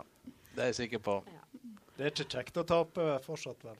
Det er, Aldri kjekt å ta. Nei, det er Iallfall ikke mot Eid. Nei. Nei. Det svir ekstra.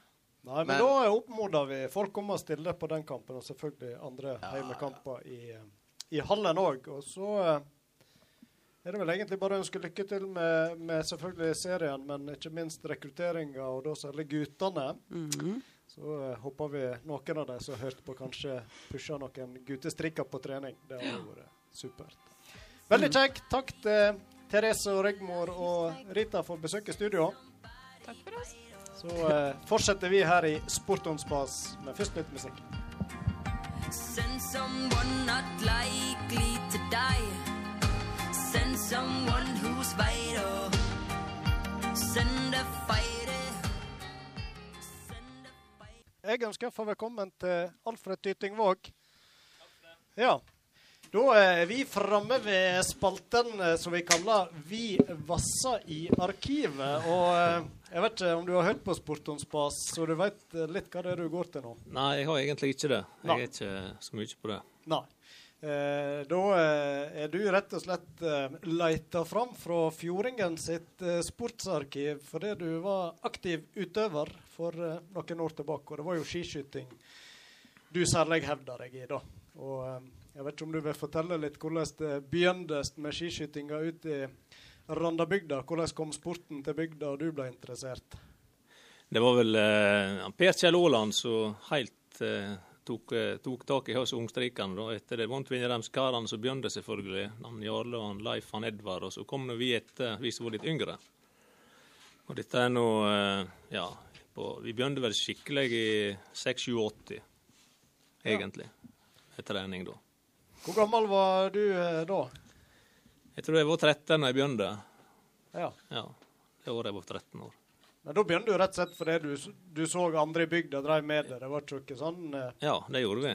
Så det var eh, på skolen vi snakkes, ikke sant. Og så ble det kamerater som begynte, og så var det litt tungvint på den tida. Vi hadde ikke noe løype eller noe, så det var kjerringa til Ulsheim og trene. Det som da var Ulsheim, og det var nå ikke rare greiene det heller der inne da, men de hadde nå ei lysløype.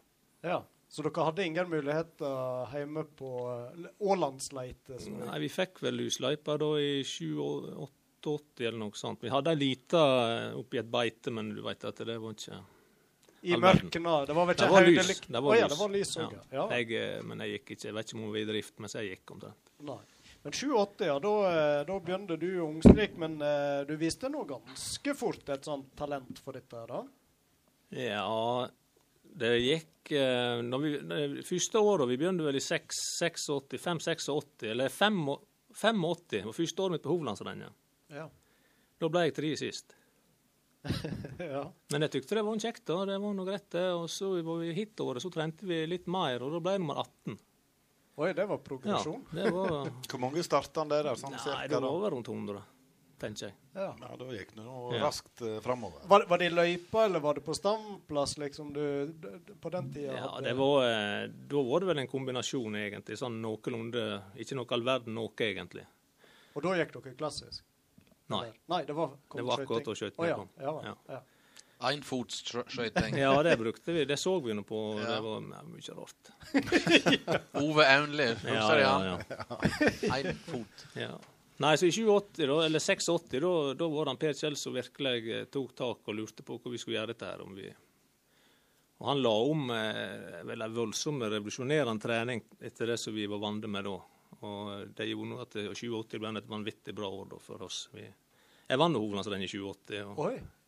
Fra trea sist, to-tre Ja. år før. Ja. Ja. Men du sier hovedlandsrennet, var det det en kalte det i flere Nå er det vel i toårsklasse? da- Ja, da var det 14 år og 15 år. Ah, ja. Bare de som fikk gå. Ja vel. Ja. Men, men kan du fortelle litt om den, eh, den omlegginga han gjorde? Husker du litt? Ja, for det var noe, Da var det noe snakk om at uh, langrennsløperne skulle noe helst springe ut når det lysna, og så kom de inn når det mørkna. Det var sånn eh, time, det var timer, ikke sant. Lange Ja. turer og styr. Mens han vi gikk over til mer uh, hard trening i forhold til alderen, egentlig. Så det ble veldig mye Svarstadsvingene på rulleski og slike ting. Det var en hard opplevelse i høsten 86, men du verden hvor det, hva som skjedde det året, altså. Når vi, når vi la inn den. Gikk ned på timer og kjørte på med mye mer eh, hard, hard trening. Ja. Mm. Men det, det må da ha lagt en eh, ganske kraftig motivasjon i bunnen eh, med dere når dere kjører, kjører i gang såpass mye og hard trening. Ja, vi, men det er klart vi så, eh, vi så at dette her eh, fungerte og skjønte og merka nå det at vi begynte å hevde oss litt mer når vi reiste over fjellet, for å si det sånn. Ja. For det var nå liksom eh, Vi fra Vestlandet, det var nå Voss i de tider som var Ja. skiskyting, og resten det var ikke med, for å si det sånn. Det var noe så det var, det var noe helst der, da. Så vi så at vi hevda oss. At det da ble motivasjonen mye større òg, selvfølgelig. Det ble det. Men husker du hva hvordan motivasjonen var, hvor langt du hadde lyst til å nå? og Var det på en måte eh, Skulle du helt til topps? Ja, da eh, når vi begynner å komme opp i nærmere 20 og i siste junioralderen, så da satsa vi nå egentlig det vi klarte. Mm. Det var noe sånn at du vurderte noe skole opp imot om du skulle trene, og fikk avtale på skolen allerede da, faktisk. med med rektor Kjerkjeide Kirkeide i de tider. Ja. Og det var jo ikke bare bare å få Nei, fri. det, det var ikke det, altså. For jeg hadde vel bestemt meg for at jeg ikke skulle eh, Jeg tenkte å gå tømrerlinja. Men så fant jeg ut at dette her det kommer til å gå så utover trening, og det, for da satsa vi det som var. Og da fikk jeg eh, ei ordning på et eller annet vis. Jeg husker ikke akkurat hvor det var, men Per Heimli var i hvert fall involvert. Han var, han var lærer da på det. Så jeg, jeg, jeg hadde teorifag, ja. Og så hadde jeg treningstid når det var praksisfag. Ja. På vinterstida. Ja. Ja. Så det ble et sørgelig fravær på vitnemålet, men eh, det lå nå med et skriv. Det Hadde ikke gått med 10 %-regelen Det hadde ikke det. Jeg tror det var 85 dager, eller hva det var. Du, kjørte det, det, din egen idrettslinje på den tida, nesten. Ja, vi gjorde- vi gjorde det. Ja, det. Var dere flere òg? Nei, det, det var jeg som hadde det da. Ja. Ja. Men du sa du vant, da var du 15 år da Ja. når du vant hovedlandsrenn. og eh, hvordan, eh, For å jobbe oss litt oppover junioralder, for jeg vet der lå vel et VM eller to du var med på der i Ja, jeg du eh, det? fikk være med i to junior-VM. Ja. Ett i Finland og ett i Ungarn i Det var 89 og 90, tenker jeg. Ja. Ja. Hvordan var det, da? Nei, det var, noe, det veldig stort, selvfølgelig. Ja. Det var noe veldig kjekt å få. Du fikk eh, prøve klær med Norge på ryggen, og du fikk ja. Det er klart, det, det var noe veldig spesielt. Det var det. Så det var, det var kjekt å få prøve. Få en utstyrsbag? Ja, ikke sant. Ja. Og, eh, nei, det var, det var en artig opplevelse. Det, så fikk være med på det. det. Men Var det her, flere her fra området som var med på det? Eller var det Nei, da var ikke det noen ifra, ifra her. I de tider. Nei. Men hvordan um, Jeg tenker på dette med, med trener. Var det han Per Kjell egentlig som uh, dro glasset der ute hele veien? Eller var det For andre meg som- var det det. Ja. Ja. For han, han fulgte meg så lenge jeg eh, dreiv. Helt til jeg eh, slutta, egentlig. Ja. Ja. Men eh, på den tida, da, hvem var det som var forbildet til Alfred eh, Tytingvåg når du var 15-16 og for vi virkelig begynte satsinga? Nei, i de tider var det nok Kvalfoss, ikke sant? Ja. Som var eh, den store i Norge. Ja. Og de eh, landslagsløperne rundt Håna, da. Gisle Fenne var god, ikke sant. Det var den eh, Men uh, vi tenkte egentlig ikke så veldig mye på det. Vi eh, akkurat med sånne forbilder og sånt i dag, for vi Ikke lokale heldige Tvinnere, Jarle og de som hadde Nei, for hevdes, de, han, de var vekke, veit Vi Ja. hadde ikke så mye med det å gjøre, egentlig. For han, eh, både han Jarle og han Edvard i de tider, de var uh, austafor. På Gjøvik oh, ja. på skole og forskjellige sånne ting. Så, så vi trefte dem veldig sjelden, egentlig. Ja. Det var kun egentlig På den? Ja, det var vinterstider. da. Ja. For vi trente var hjemme, og de var der de var. Eh, glemte å spørre deg når du var til junior-VM. eh, Husker du plasseringa du fikk? Eh, beste var 16. 16? Ja. Ja. Og da var det østeuropeerne da òg som Ja, du veit at eh, er Russere. Ja, det var det, ikke sant. Og første junior-VM, da vi eh, da var Øst-Tyskland fortsatt oppe og gikk. Ja. Og de personlighetene der De var litt større eller vi, for Det var sånn. heilskjegg og Ja, og det, det, var litt, det var litt rart å se, men uh, de var gode, da. Ja. ja. var, det, var en langt bak, eller? Og det føltes håpløst ut? Og... Ja, altså, vi ble, eller, vi ble imponerte, da. Det gikk veldig, veldig veldig fort. Det er Ja. ikke tvil i at det gjorde. Så, så det, det var nå bare sånn. Men uh, Mm. Men når du for til junior-VM, eh, er det noen navn der som etter hvert uh, hevder seg? Jeg tenker, Var det noen som ble kanskje For de norske? Ja, i troppen. Ikke så ble det disse der helt, eh, helt største, det, det ble ikke det. Men det var eh, en som Det har vært litt trenere innimellom blitt av dem. Så jeg konkurrerte, var like gammel som meg, på, Ja. på landslagsnivå, da. Men akkurat på, eh, på senior, hvis du tenker på større ting, OL og VM og sånn, så var ikke det, var ikke de det. Nei. Nei. det, det har vært med, da. Det har de vært sånn så Da er det broren til Bjørndalen, Dag Bjørndalen, har vært med i VM og OL sikkert. og det er noen av dem som har hevda seg på landslaget senior òg, men ikke de som er helt største. Nei. Men han Dag Bjørndalen var på din alder? Ett år eldre, ja. Ja, vel. ja. Og så eh, drev du det til du ga, eh, Stemmer det at du ga deg litt tidlig, men så gjorde du et slags comeback? Eller Ja. mener jeg liksom Ja. det var et kvarter? Ja, for jeg fikk eh, litt ryggproblemer, så jeg fikk liksom ikke begynne å føle på det at en ikke Jeg fikk ikke gjort det som en burde gjøre, for jeg merker at dette her klarer ikke jeg å holde følge lenger, liksom. For jeg, jeg klarer ikke å legge nok trening i det, for jeg ble litt plaga med den. Ja. Men så tok vi den opp igjen. eh, Vi tok oss en prat, jeg og Per Kjell, igjen i 94-95, og på om vi skulle gjøre et forsøk. Hvor lenge hadde du tatt pause da? jeg har ikke tatt direkte pause, Nei. men det var, det var litt ned Det var ikke prioritert så mye som det var. Det var ikke det. Nei. Men du hadde gått renn hele Ja, tida? jeg, og- ja, det gjorde jeg. Ja. Ja. Sånn eh, var med på Norgescup og sånn, men altså, resultatet var ikke all verden. Og, men det ble nå for lite trening, da, så det var nå bare sånn. Ja. Men, men hvordan eh, var den overgangen fra junior å være blant de beste i Norge junior og prøve seg som Ja, det, det er knallhardt. Det er ikke Det er ikke å anbefale. Nei, det er ikke å anbefale. Nei da, men altså, du, du klarte å konkurrere med de du er jamgamle med, og du, du tykker at du er god og hevder deg og alt dette her, og så kommer du rett over til, mot eliten når du er minutter bak, vet du, og skjønner liksom ikke hva det er nå som skjer. Nei. Så det, det er en hard overgang. dette. Somme til klarer det, da. Det Ja. de så... Vi har nå to eksempler Ja, ja. ganske nærme med Ja, ja. men det er jo unikt. Ja, Ja. Så det, men det Men i skiskyting, du kan vel ta litt på skyting? Altså kompensere til en viss grad, kanskje? Det vet ikke. Ja, det er ikke så mye Ja, da kunne en Jeg berga meg en del på skytinga, det er ikke tvil i at jeg gjorde. Så For jeg, jeg var rimelig bra å skyte, egentlig, men nå, vet du, så skyter de så fort at det, da er det ikke mye å Nei, så det, da er det ikke mye å ta igjen på. Men uh, fortell litt mer. Du, eh, etter å kanskje hatt en sesong eller to der du begynte å feide litt ut, så tok du deg på tak igjen i lag med han, eh, Ja. Per Kjell og, Ja. og la, en, la en plan. Da la vi en plan for eh, så vi, et, et år fram, egentlig. Dette var våren i 94, tror jeg da. Var det, var det han som tok initiativet? Ja, han, vi, jeg vet ikke hvor vi kom Husker ikke akkurat hvor vi kom på det, eller hvor vi kom på snakk om det, for å si det sånn, men Uh, jeg var vel sikkert litt motivert sjøl igjen òg, og lurte på dette her. Og du må begynne å bli noen år, og lurte på skal han gjøre et skikkelig forsøk igjen, eller hvor er dette her, men og da ble det til at vi gjorde. Han satte opp treningsprogram så jeg fulgte. Det var så enkelt så det. Fikk ukelig eh, Å ja. ja. ja. Og han kjente deg jo Ja. godt da, etter Ja. mange år. Som Så, trener. det, så da eh, satsa vi alt på et år, ettårsplan. Det var egentlig det vi hadde. Vi var ikke noe mer enn det. Bare for å, for å se, da. Men det ble nå litt mer, da. Det ble det nå. Så Og hvor det gikk, da? Nei, det gikk nå Det er nå vel det beste året jeg hadde. Det var det 95. Da eh, Det blir felle sjølskrytete her, føler jeg. Ja, men det er jo det som er meninga. Nei, for da, da, da på eh, 20 km på, eh, i- på Norgesmesterskapet da, så fikk jeg stå på pallen sammen med Bjørndalen og Hanevold.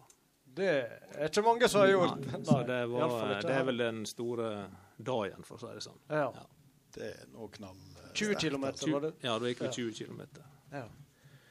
Så da, da var jeg i god form. Jeg ble sliten med jeg husker ikke, det var 1 minutt og 40 eller noe sånt i sporet av Bjørndalen også. Jeg var helt uh, kjempefornøyd med Ja, i de tider. Han var nå da den coming Ja. akkurat da. Ja. For han kom vel ikke med eller Var han med på OL? Nå husker jeg ikke det. Lillehammer. Han var med på. Lillehammer. Han var vel ble han Ja, siste års det må stemme. Det var nok sånn. Så det var liksom da han framover han begynte skikkelig. da.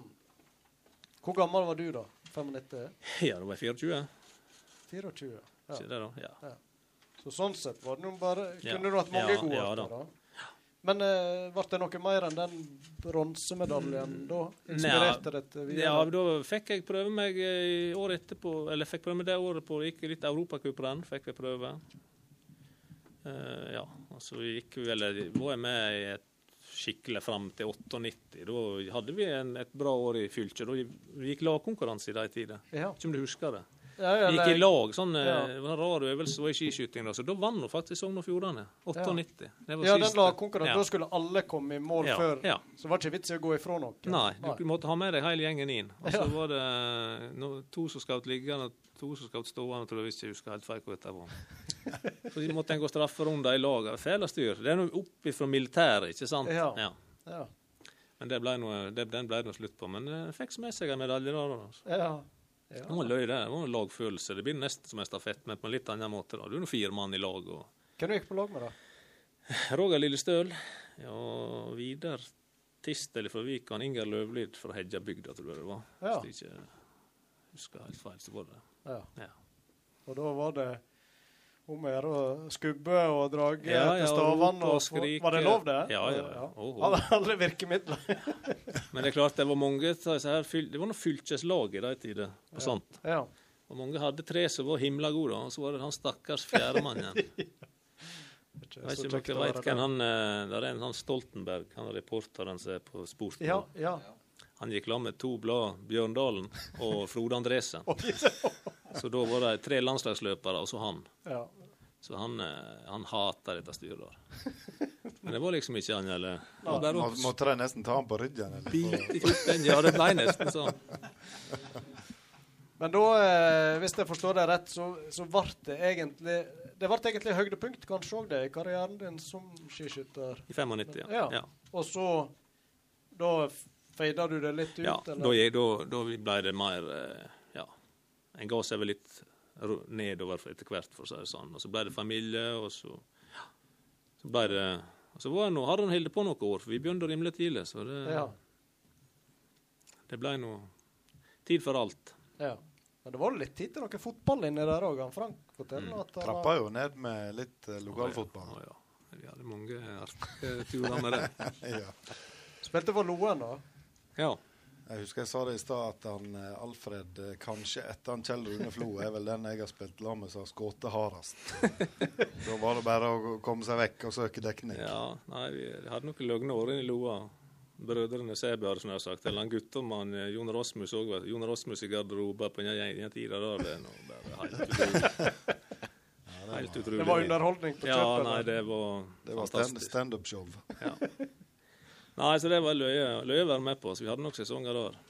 Men du som hadde ambisjoner innen eh, skiskyting og det å begynne med fotball, var det mer for leik, hvis du skjønner? Du hadde ikke ambisjoner på den Nei, måten? Nei, ikke noen sånne ambisjoner i hele tatt. Det var ikke i nærheten. Men det var bare sånn som en har alltid hatt med seg, egentlig. Mm. Hele tida. Og liker veldig godt å sparke fotball. Når var det du spilte for Loen, da? Ja, da må du, Frank, hjelpe meg, for det er jo Ja, jeg, jeg, jeg spilte vel sjøl på Loen ifra jeg var 17, var ikke det da? Ja, Dere kom iallfall inn, du og Bjerkan og noen i Trond Leirgulen det Ja. Men jeg husker ikke årstall på det nå. det man, Da si. var det etter skiskyttersatsinga, da? eller? Ja, det må det jo ha vært jeg må- ha kommet til Ja. Loen i 3-94, og så var jeg der vel kanskje to eller tre sesonger. Så var jeg tilbake igjen, men da eh, husker jeg ikke helt om du var der. Nei, det var sikkert midt på 90-tallet vi holdt på med. Ja, rundt der Ja, en plass. Ja. Moro. Ja, veldig, veldig løye. Og litt så opp på Ålandsleiter. Du var jo innom det s- Ja. så vidt. eh, du var jo og, med og trente med Stryn Ja. en vinter. Jeg var med vinteren, men eh, jeg fikk en overbelastning i, i et kne eller i en eh, Vi for og sprang ute, jeg hadde sikkert for dårlige sko. Og det gikk altså i, Det var i mars, og jeg, jeg gikk og halta til ut i juni. Jeg klarte Mm. altså ikke å Det var kortison, og det var mye styr jeg holdt på med med den. Eh, Så da etter det, så da, da ble det noe før vi begynte med dette her Ålands leitegreiene igjen. Tenk om du hadde hatt dråpene til en Eivind Skjerven der, du. Ja, den er god medisin. Men hvis ikke det hadde skjedd, så kunne jo du fått noen år på Stryn òg, da. Ja, det var nå innstilte på da, at hvis jeg klarte å, å Altså, jeg var god nok, for å si det sånn, da, så var nå det et mål, for så vidt. Men eh, det, når det ble, jeg ble så lenge ute, så, så, så ble det ikke noe den sesongen i det hele tatt. For jeg var helt uten trening i månedsvis. Var det Ed Norangde som var trener? Ja, var ikke det Ring... Ringdal, Steinar Ringdal. Steinar Ringdal. Vi sprang en del når han var trener. Ja, det ble en del så var det, det var nå greit, det, men jeg husker at jeg for og sprang ute på Vi skulle springe ut i Vik eller hva søren det var. Jeg hadde ikke en del halvsko. Oh, ja. Så den dempinga der, den Ja, eh, på asfalt. Ja. Ja. Ja, Så det var etter det jeg, jeg fikk et eller annet slags eh, Så da ble det mye spreit og styr, men det hjelpte lite, så jeg måtte bare bruke tida. Ja. ja, du nevnte Ålandsleit. Stilte han i serien Harbagveten, eller Ja. Var ikke Ja, ja. Det ble vel omtala i, i fylkespressa òg, det, på et tidspunkt. Var ikke det noe var et merkelig fotballag. Var mye, mye kondisjon og lite fotball. Det ble litt sånn eh, Det var nå de som var gode, det er ikke Det var det. mye skil, tidligere Ja, skiløpere. det var nå det, ikke sant. Så det blir eh, taktomslag. Det så vi lite av, for å si det sånn. Det var jevn eh, sprenging. Best uten ball, hele Ja, gjengen. jeg tror det.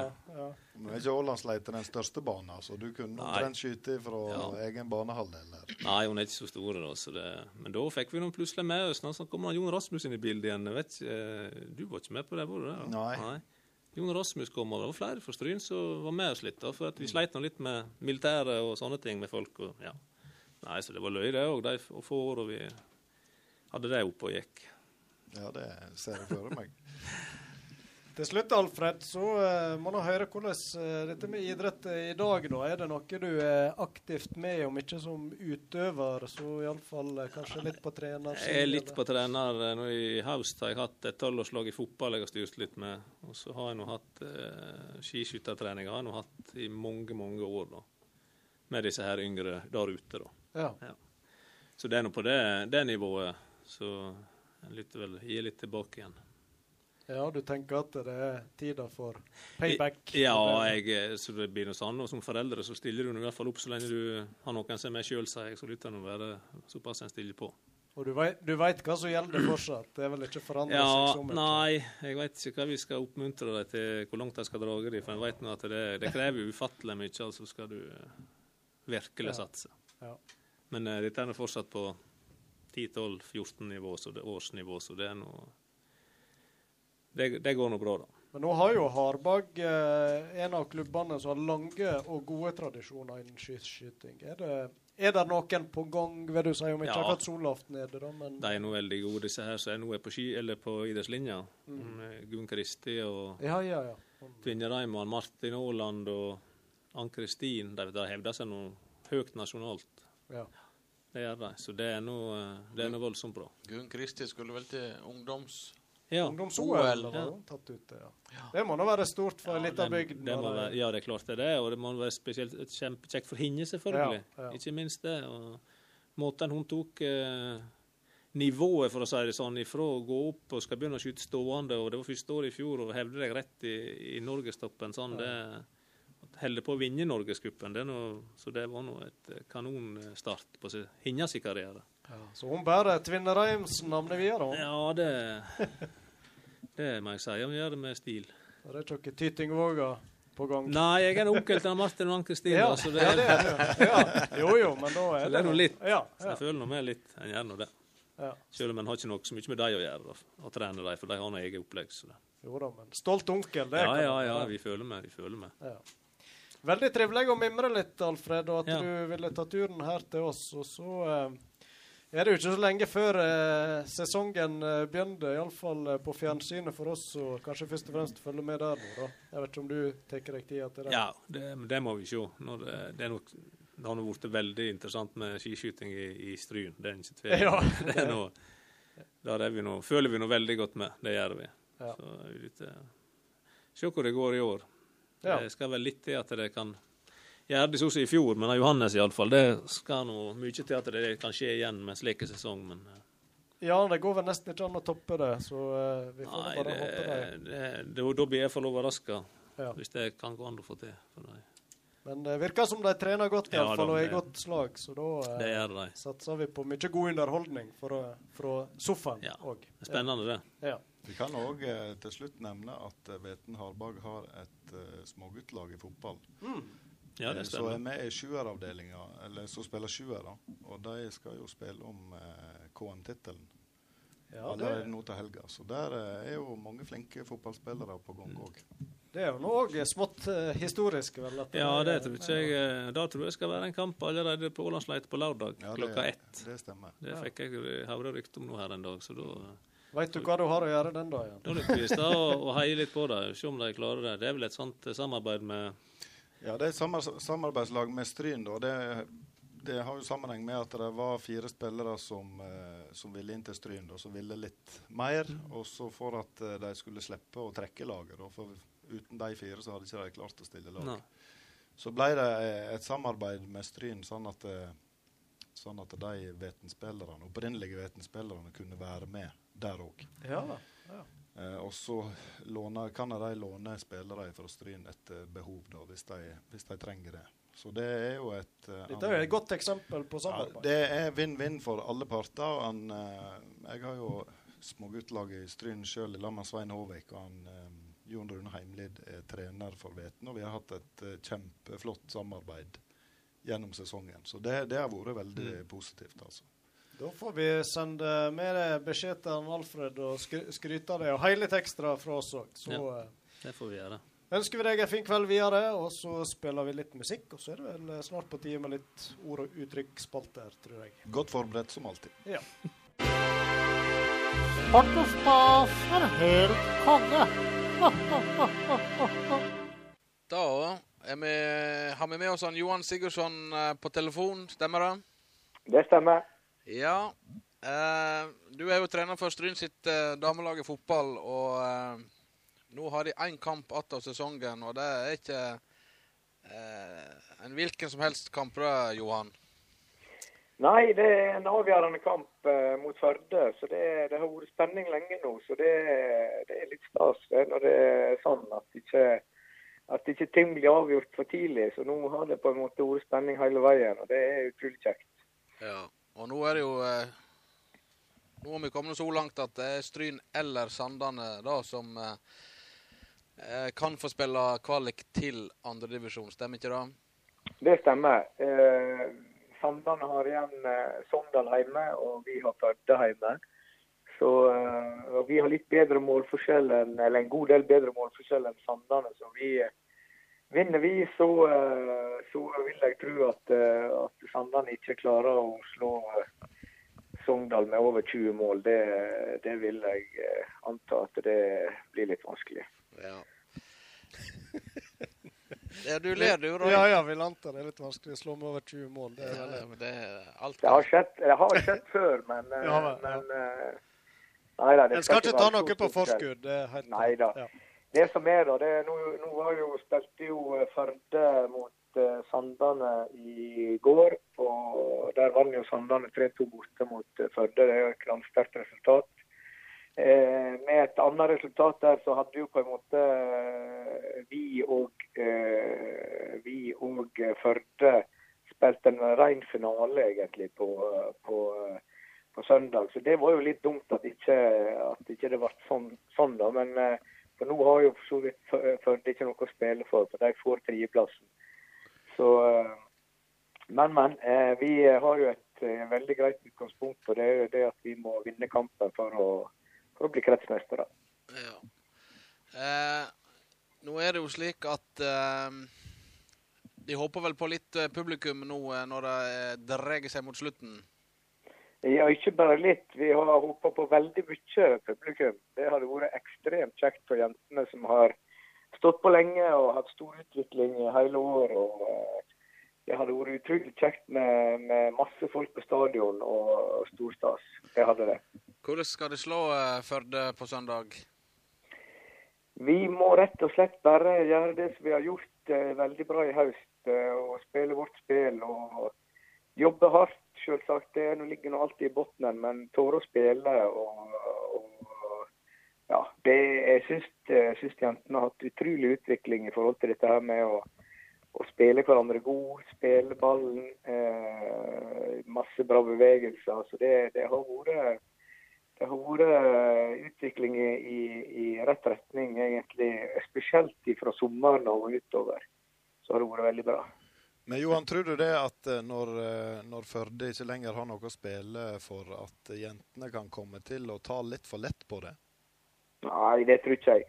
Altså, det jeg håper, og det jeg syns vi har vært flinke til, det er på en måte å ikke stresse med noe annet enn oss sjøl. Vi har bare lyst til å, å være den beste versjonen av oss sjøl i hver kamp. Så vi har egentlig ikke stressa så mye hvem vi møter og sånn. Eh, Og det, det viser jo litt forrige kamp når vi lå under med 1-0 mot Kaupanger. Eh, og i pausen var liksom Vi var ikke stressa i det hele tatt. så Vi visste det at det var bare å fortsette med det vi hadde gjort. Og, så klart så kom det fem mål i andre omgang. Så, så jeg syns jentene er ganske sterke eh, mentalt. Jeg, eh, de, de, jentene prøver å gjøre sitt beste uansett eh, når de spiller. og det det er et godt utgangspunkt. For det, og det har vi jo snakka om òg. Altså, hvis ikke vi vinner en kamp og har gjort vårt beste, så er det, så er det nok, det.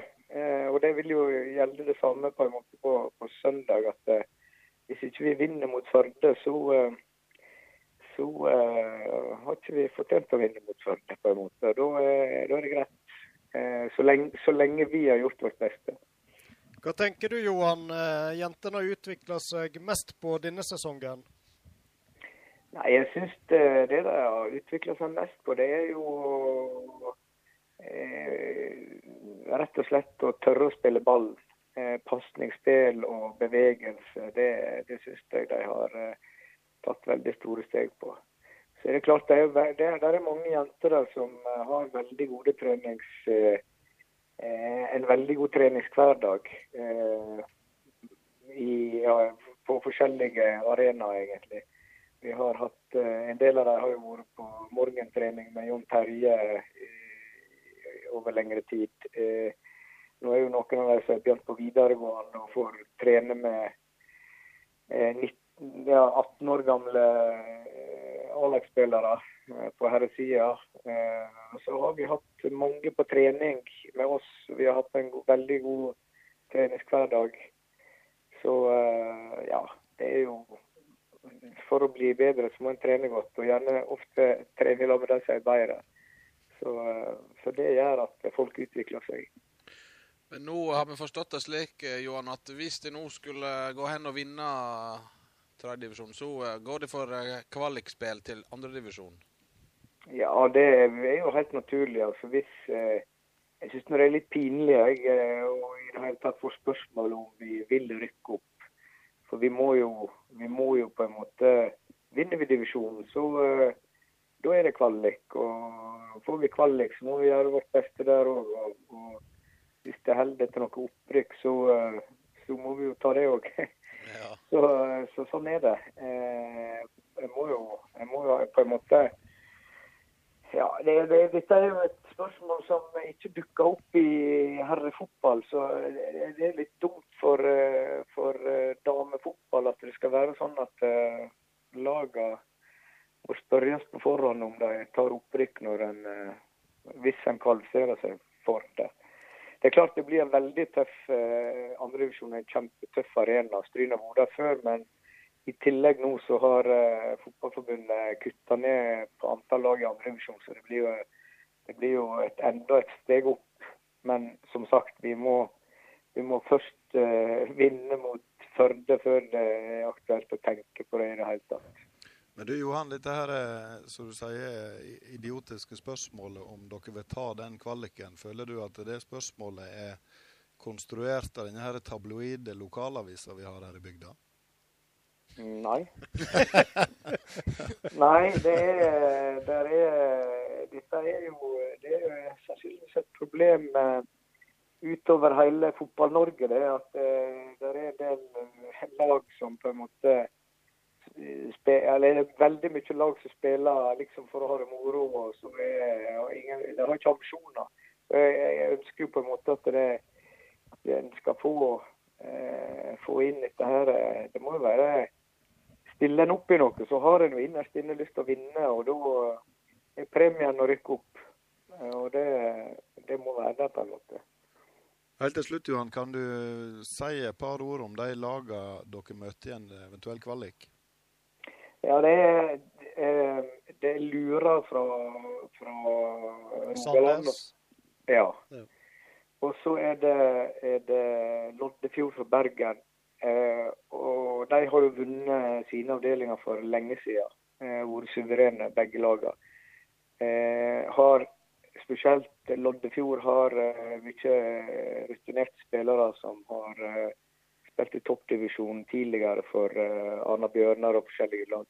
Og etter sånn som jeg forstår det òg, så Lura òg en del uh, en del uh, rutinerte spillere som har spilt høyere oppe. Så det, og vi har, vi har et veldig veldig ungt lag. Vi har vi har én spiller over 20 år, og de fleste er 15-16-17-18 år.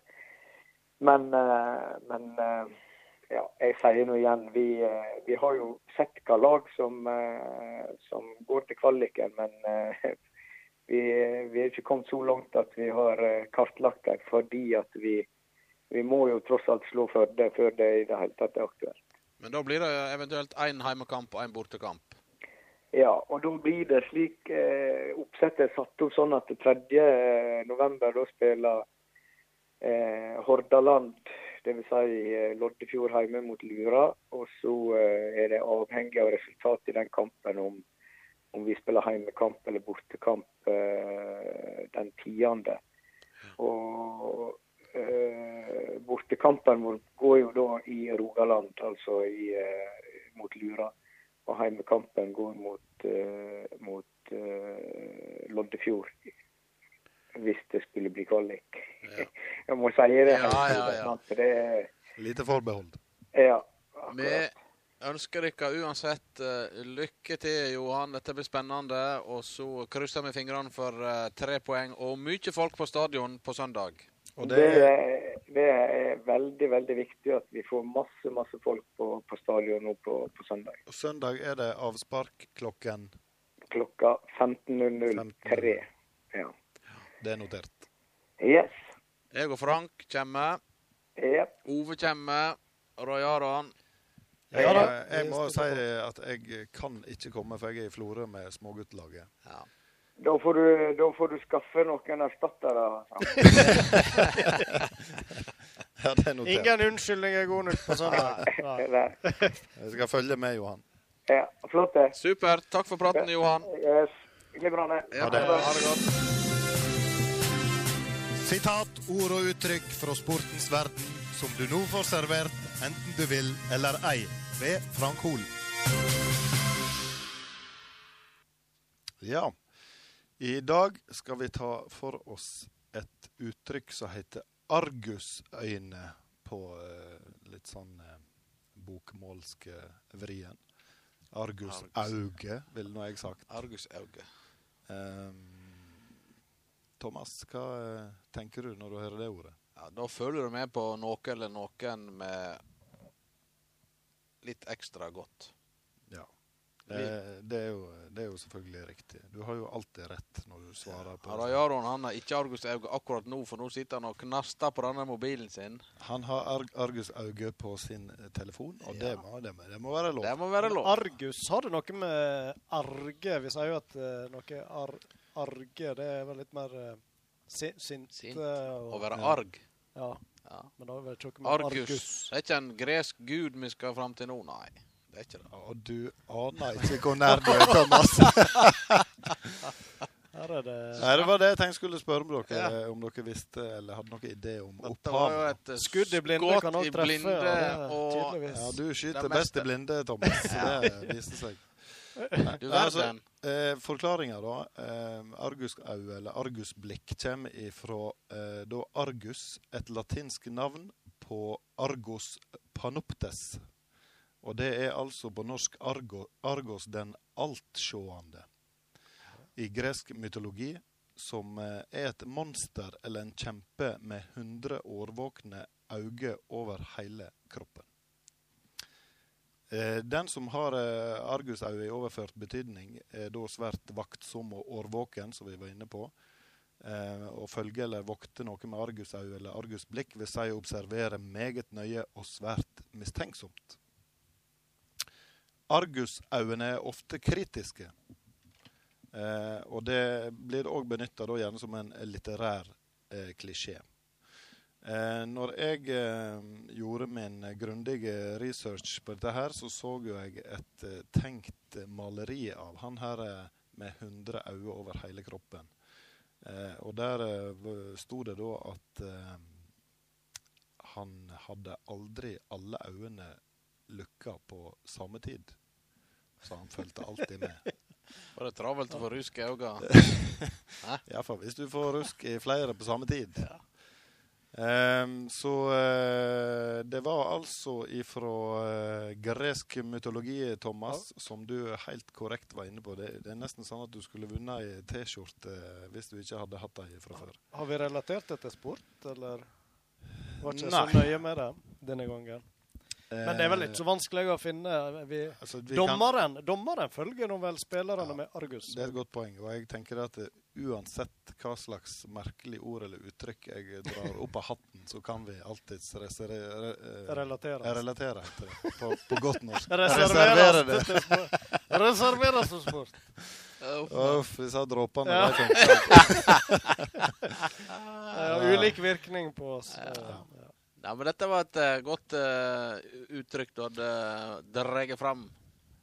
Ja, eh, helt til slutt så eh, kom jeg over en litt sånn eh, morsom sak. Eh, et eh, uttrykk som kommer ups.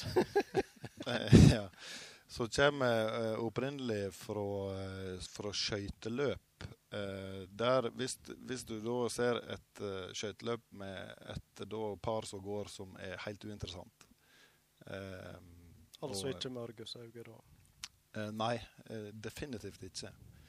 Eh, sånn at du på en måte kan ta en eh, pause i skøyteløpet mens disse her to eh, går, som ikke er noe interessant å se på. Ehm, eh, så, så blir det da definert som et buljongpar. Et buljongpar, ja. Stemmer. Og det, det, det syns jeg er et fantastisk godt uttrykk. Da, går, da Eh, går du i, i kafeteriaen det er rett og slett det at publikum da i stedet for, kan, eh, for å følge med på disse her to staurene som går, heller kan gå og ta seg en kopp med buljong.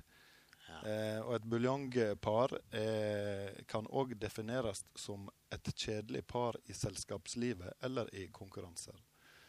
Så hvis du da kommer over et par som av en eller annen grunn er uinteressante eller kjedelige, så kan du definere dem som et buljongpar. Men uh, når Eivind Skjerven var i, i siget på isen, da tror jeg ikke det var noe som gikk i kiosken. Og når han og Tordis har tatt dråpene sine, så er det iallfall ikke noe buljongpar.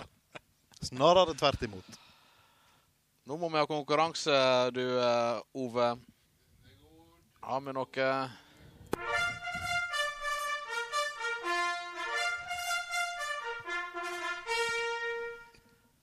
Sist veka, karer, da hadde vi besøk av han eh, Syversen. Husker de han? Eh, Nå Nå fikk han Frank Tull Fliren her. Så eh, Det er gode greier. Nei, eh, vi spurte Ja, det husker vi. Ja, han var jo her og fortalte om sitt eh, hopp. Hun- Fred 100 Syversen. Ja. Det gjorde sterkt inntrykk på Sop. Sterkt inntrykk at vi måtte ha en konkurranse eh, i hans navn. For vi spurte slags campingplass han eh, driver oppe i Oppstrøm. Folven. Nei. Svaret var Folven camping. Det er helt rett, eh, Roy, men du er Ja. ikke med i konkurransen, vet du. Vi spurte eh, camping han drev, og det var Folven. Og vi har jo eh, funnet Strøm, fram eh, strømt på med Ja, ja, ja. svar. Vi har jo tatt fram påskeegget vårt, og nå skal han Frank få trekke Å ja, kommer min tur. Nei, du eh, Var jeg sist? Ja, hør, Jeg på, sikker. hør på podkasten fra forrige sending, så ligger fasiten der. Det er min tur å trekke i dag. ja, Og du skal også få lov å lese opp navnet på vinneren, eh, Frank. Det skal jeg gjøre. Først må jeg rote godt, og så må vi si det at etter vi trua lytterne på livet med å sende inn svar, så har, Tatt har antall svar tatt seg kraftig opp. Ja, men det er kjekt. De må fortsette. Da velger jeg den lappen Ja. ifra det halve påskeegget. Supert. Og der står det Stig Høynes. Oi, oi, oi. Hei, Det er jo et uh, godt kjent navn i sportsverden. Ikke akkurat som utøver, men er det noen som kan ta bilde av sport, så er det han Stig. Ja da, det er den legendariske fotografen bak haugenfotball.no som gjør en uh, kjempejobb, spesielt da for lokalfotballen eh, i eh, Nordfjord og delvis eh, Sunnfjord og Sogn òg. Og han sendte inn svar i ettermiddag. Nok et godt eksempel at her kan en sende inn helt inn på til ny sending begynner. Så det er nesten aldri for seint. Ikke før vi er i gang med, gang med ny. Vi, Nå oppford har det- nå vi oppfordrer Henning Breideblikk til å prøve igjen neste gang òg. ja. For han har vært flink å sende inn. Og nå har ikke han Stig Hønnes bare eh, Nordfjords største paraply. Nå er han òg eier av ei eksklusiv Sport Onspas-T-skjorte eh, med de vakre Eikefjord-fargene. Og eh, selv om det begynner å haustes og kaldes ute, så uh, tenker jeg vi kan sende han litt stor størrelse, så kan han ta den utapå. Svarte, gode boblejakka. Vi eh, gratulerer han Stig Høynes med T-skjorta. Vel fortjent. Gratulerer, Stig. Og så har vi en ny konkurranse. Vi må ikke glemme den før vi gir oss for kvelden. Vi hadde besøk av tre håndballdamer i studio før i kveld. De har sesongåpna med to bortekamper. Men vårt spørsmål er hvem skal de møte i sin første heimekamp? Hvem skal Stryn møte i sin første heimekamp. Ikke hvem som helst. Fjerdedivisjon håndball. Det blir en rysere. Første kamp på eh, nytt dekke På i Strynehallen. Det var spørsmålet. Send inn til uh, Sport som spas. Finn oss på Facebook, og så leter du fram Messenger og send inn et svar. Ja, og det var vel siste post på programmet, var ikke det? Da Når vi har fått presentert konkurransen, da er det vel ikke mer å sitte her og gnage etter. Nei. Ei trivelig stund har vi hatt. To timer har passert, og da er det kanskje på tide å sule inn. Er du fornøyd med dagens sending, Frank? Eh, ja. Og han, eh, Ove André Årskog han eh, sitter og pikker meg på ryggen og sier han vil hjem igjen, så vi må bare avslutte fort nå, karer. Ja. Nei, men da skal ikke vi drøye dette mer nødvendig. Vi må takke gjestene våre. Therese Vik Nygård, Rita Stølen Veamir og Rigmor Nesje. Og vi har hatt besøk av Alfred Tytingvåg. Og ikke minst må vi ta med Eivind Skjerven, som ga oss både sport og spas, vil jeg påstå, i denne sendinga. Og så takker vi Jarle Lødemel og Johan Sigurdsson, som var med oss på telefon. Det gjør vi, og så må jeg takke dere to karene for at dere stilte på igjen. Trufast og godt levert, Thomas Staule og Frank Hol. Skal ikke vi få lov å si navnene våre sjøl? Ja, det, det mener jeg vi må få lov til. Ja, beklager. Og da eh, på min venstre side Thomas Taule. og på min høyre side. Eivind Skjerven. Og mitt navn er Roy Aron Myklebust.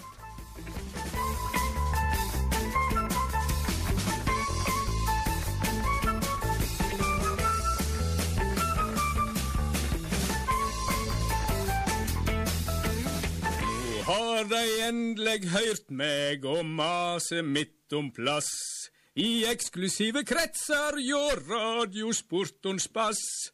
Her sit eg stram og slank blant FM-bandets konger, Roy Thomas og han Frank. Kjøpmann André Oppheim og Bumpris Olden er stolt sponsor av Sport om spas i sesong to. Å ja! Jeg hører på Radio Stryne.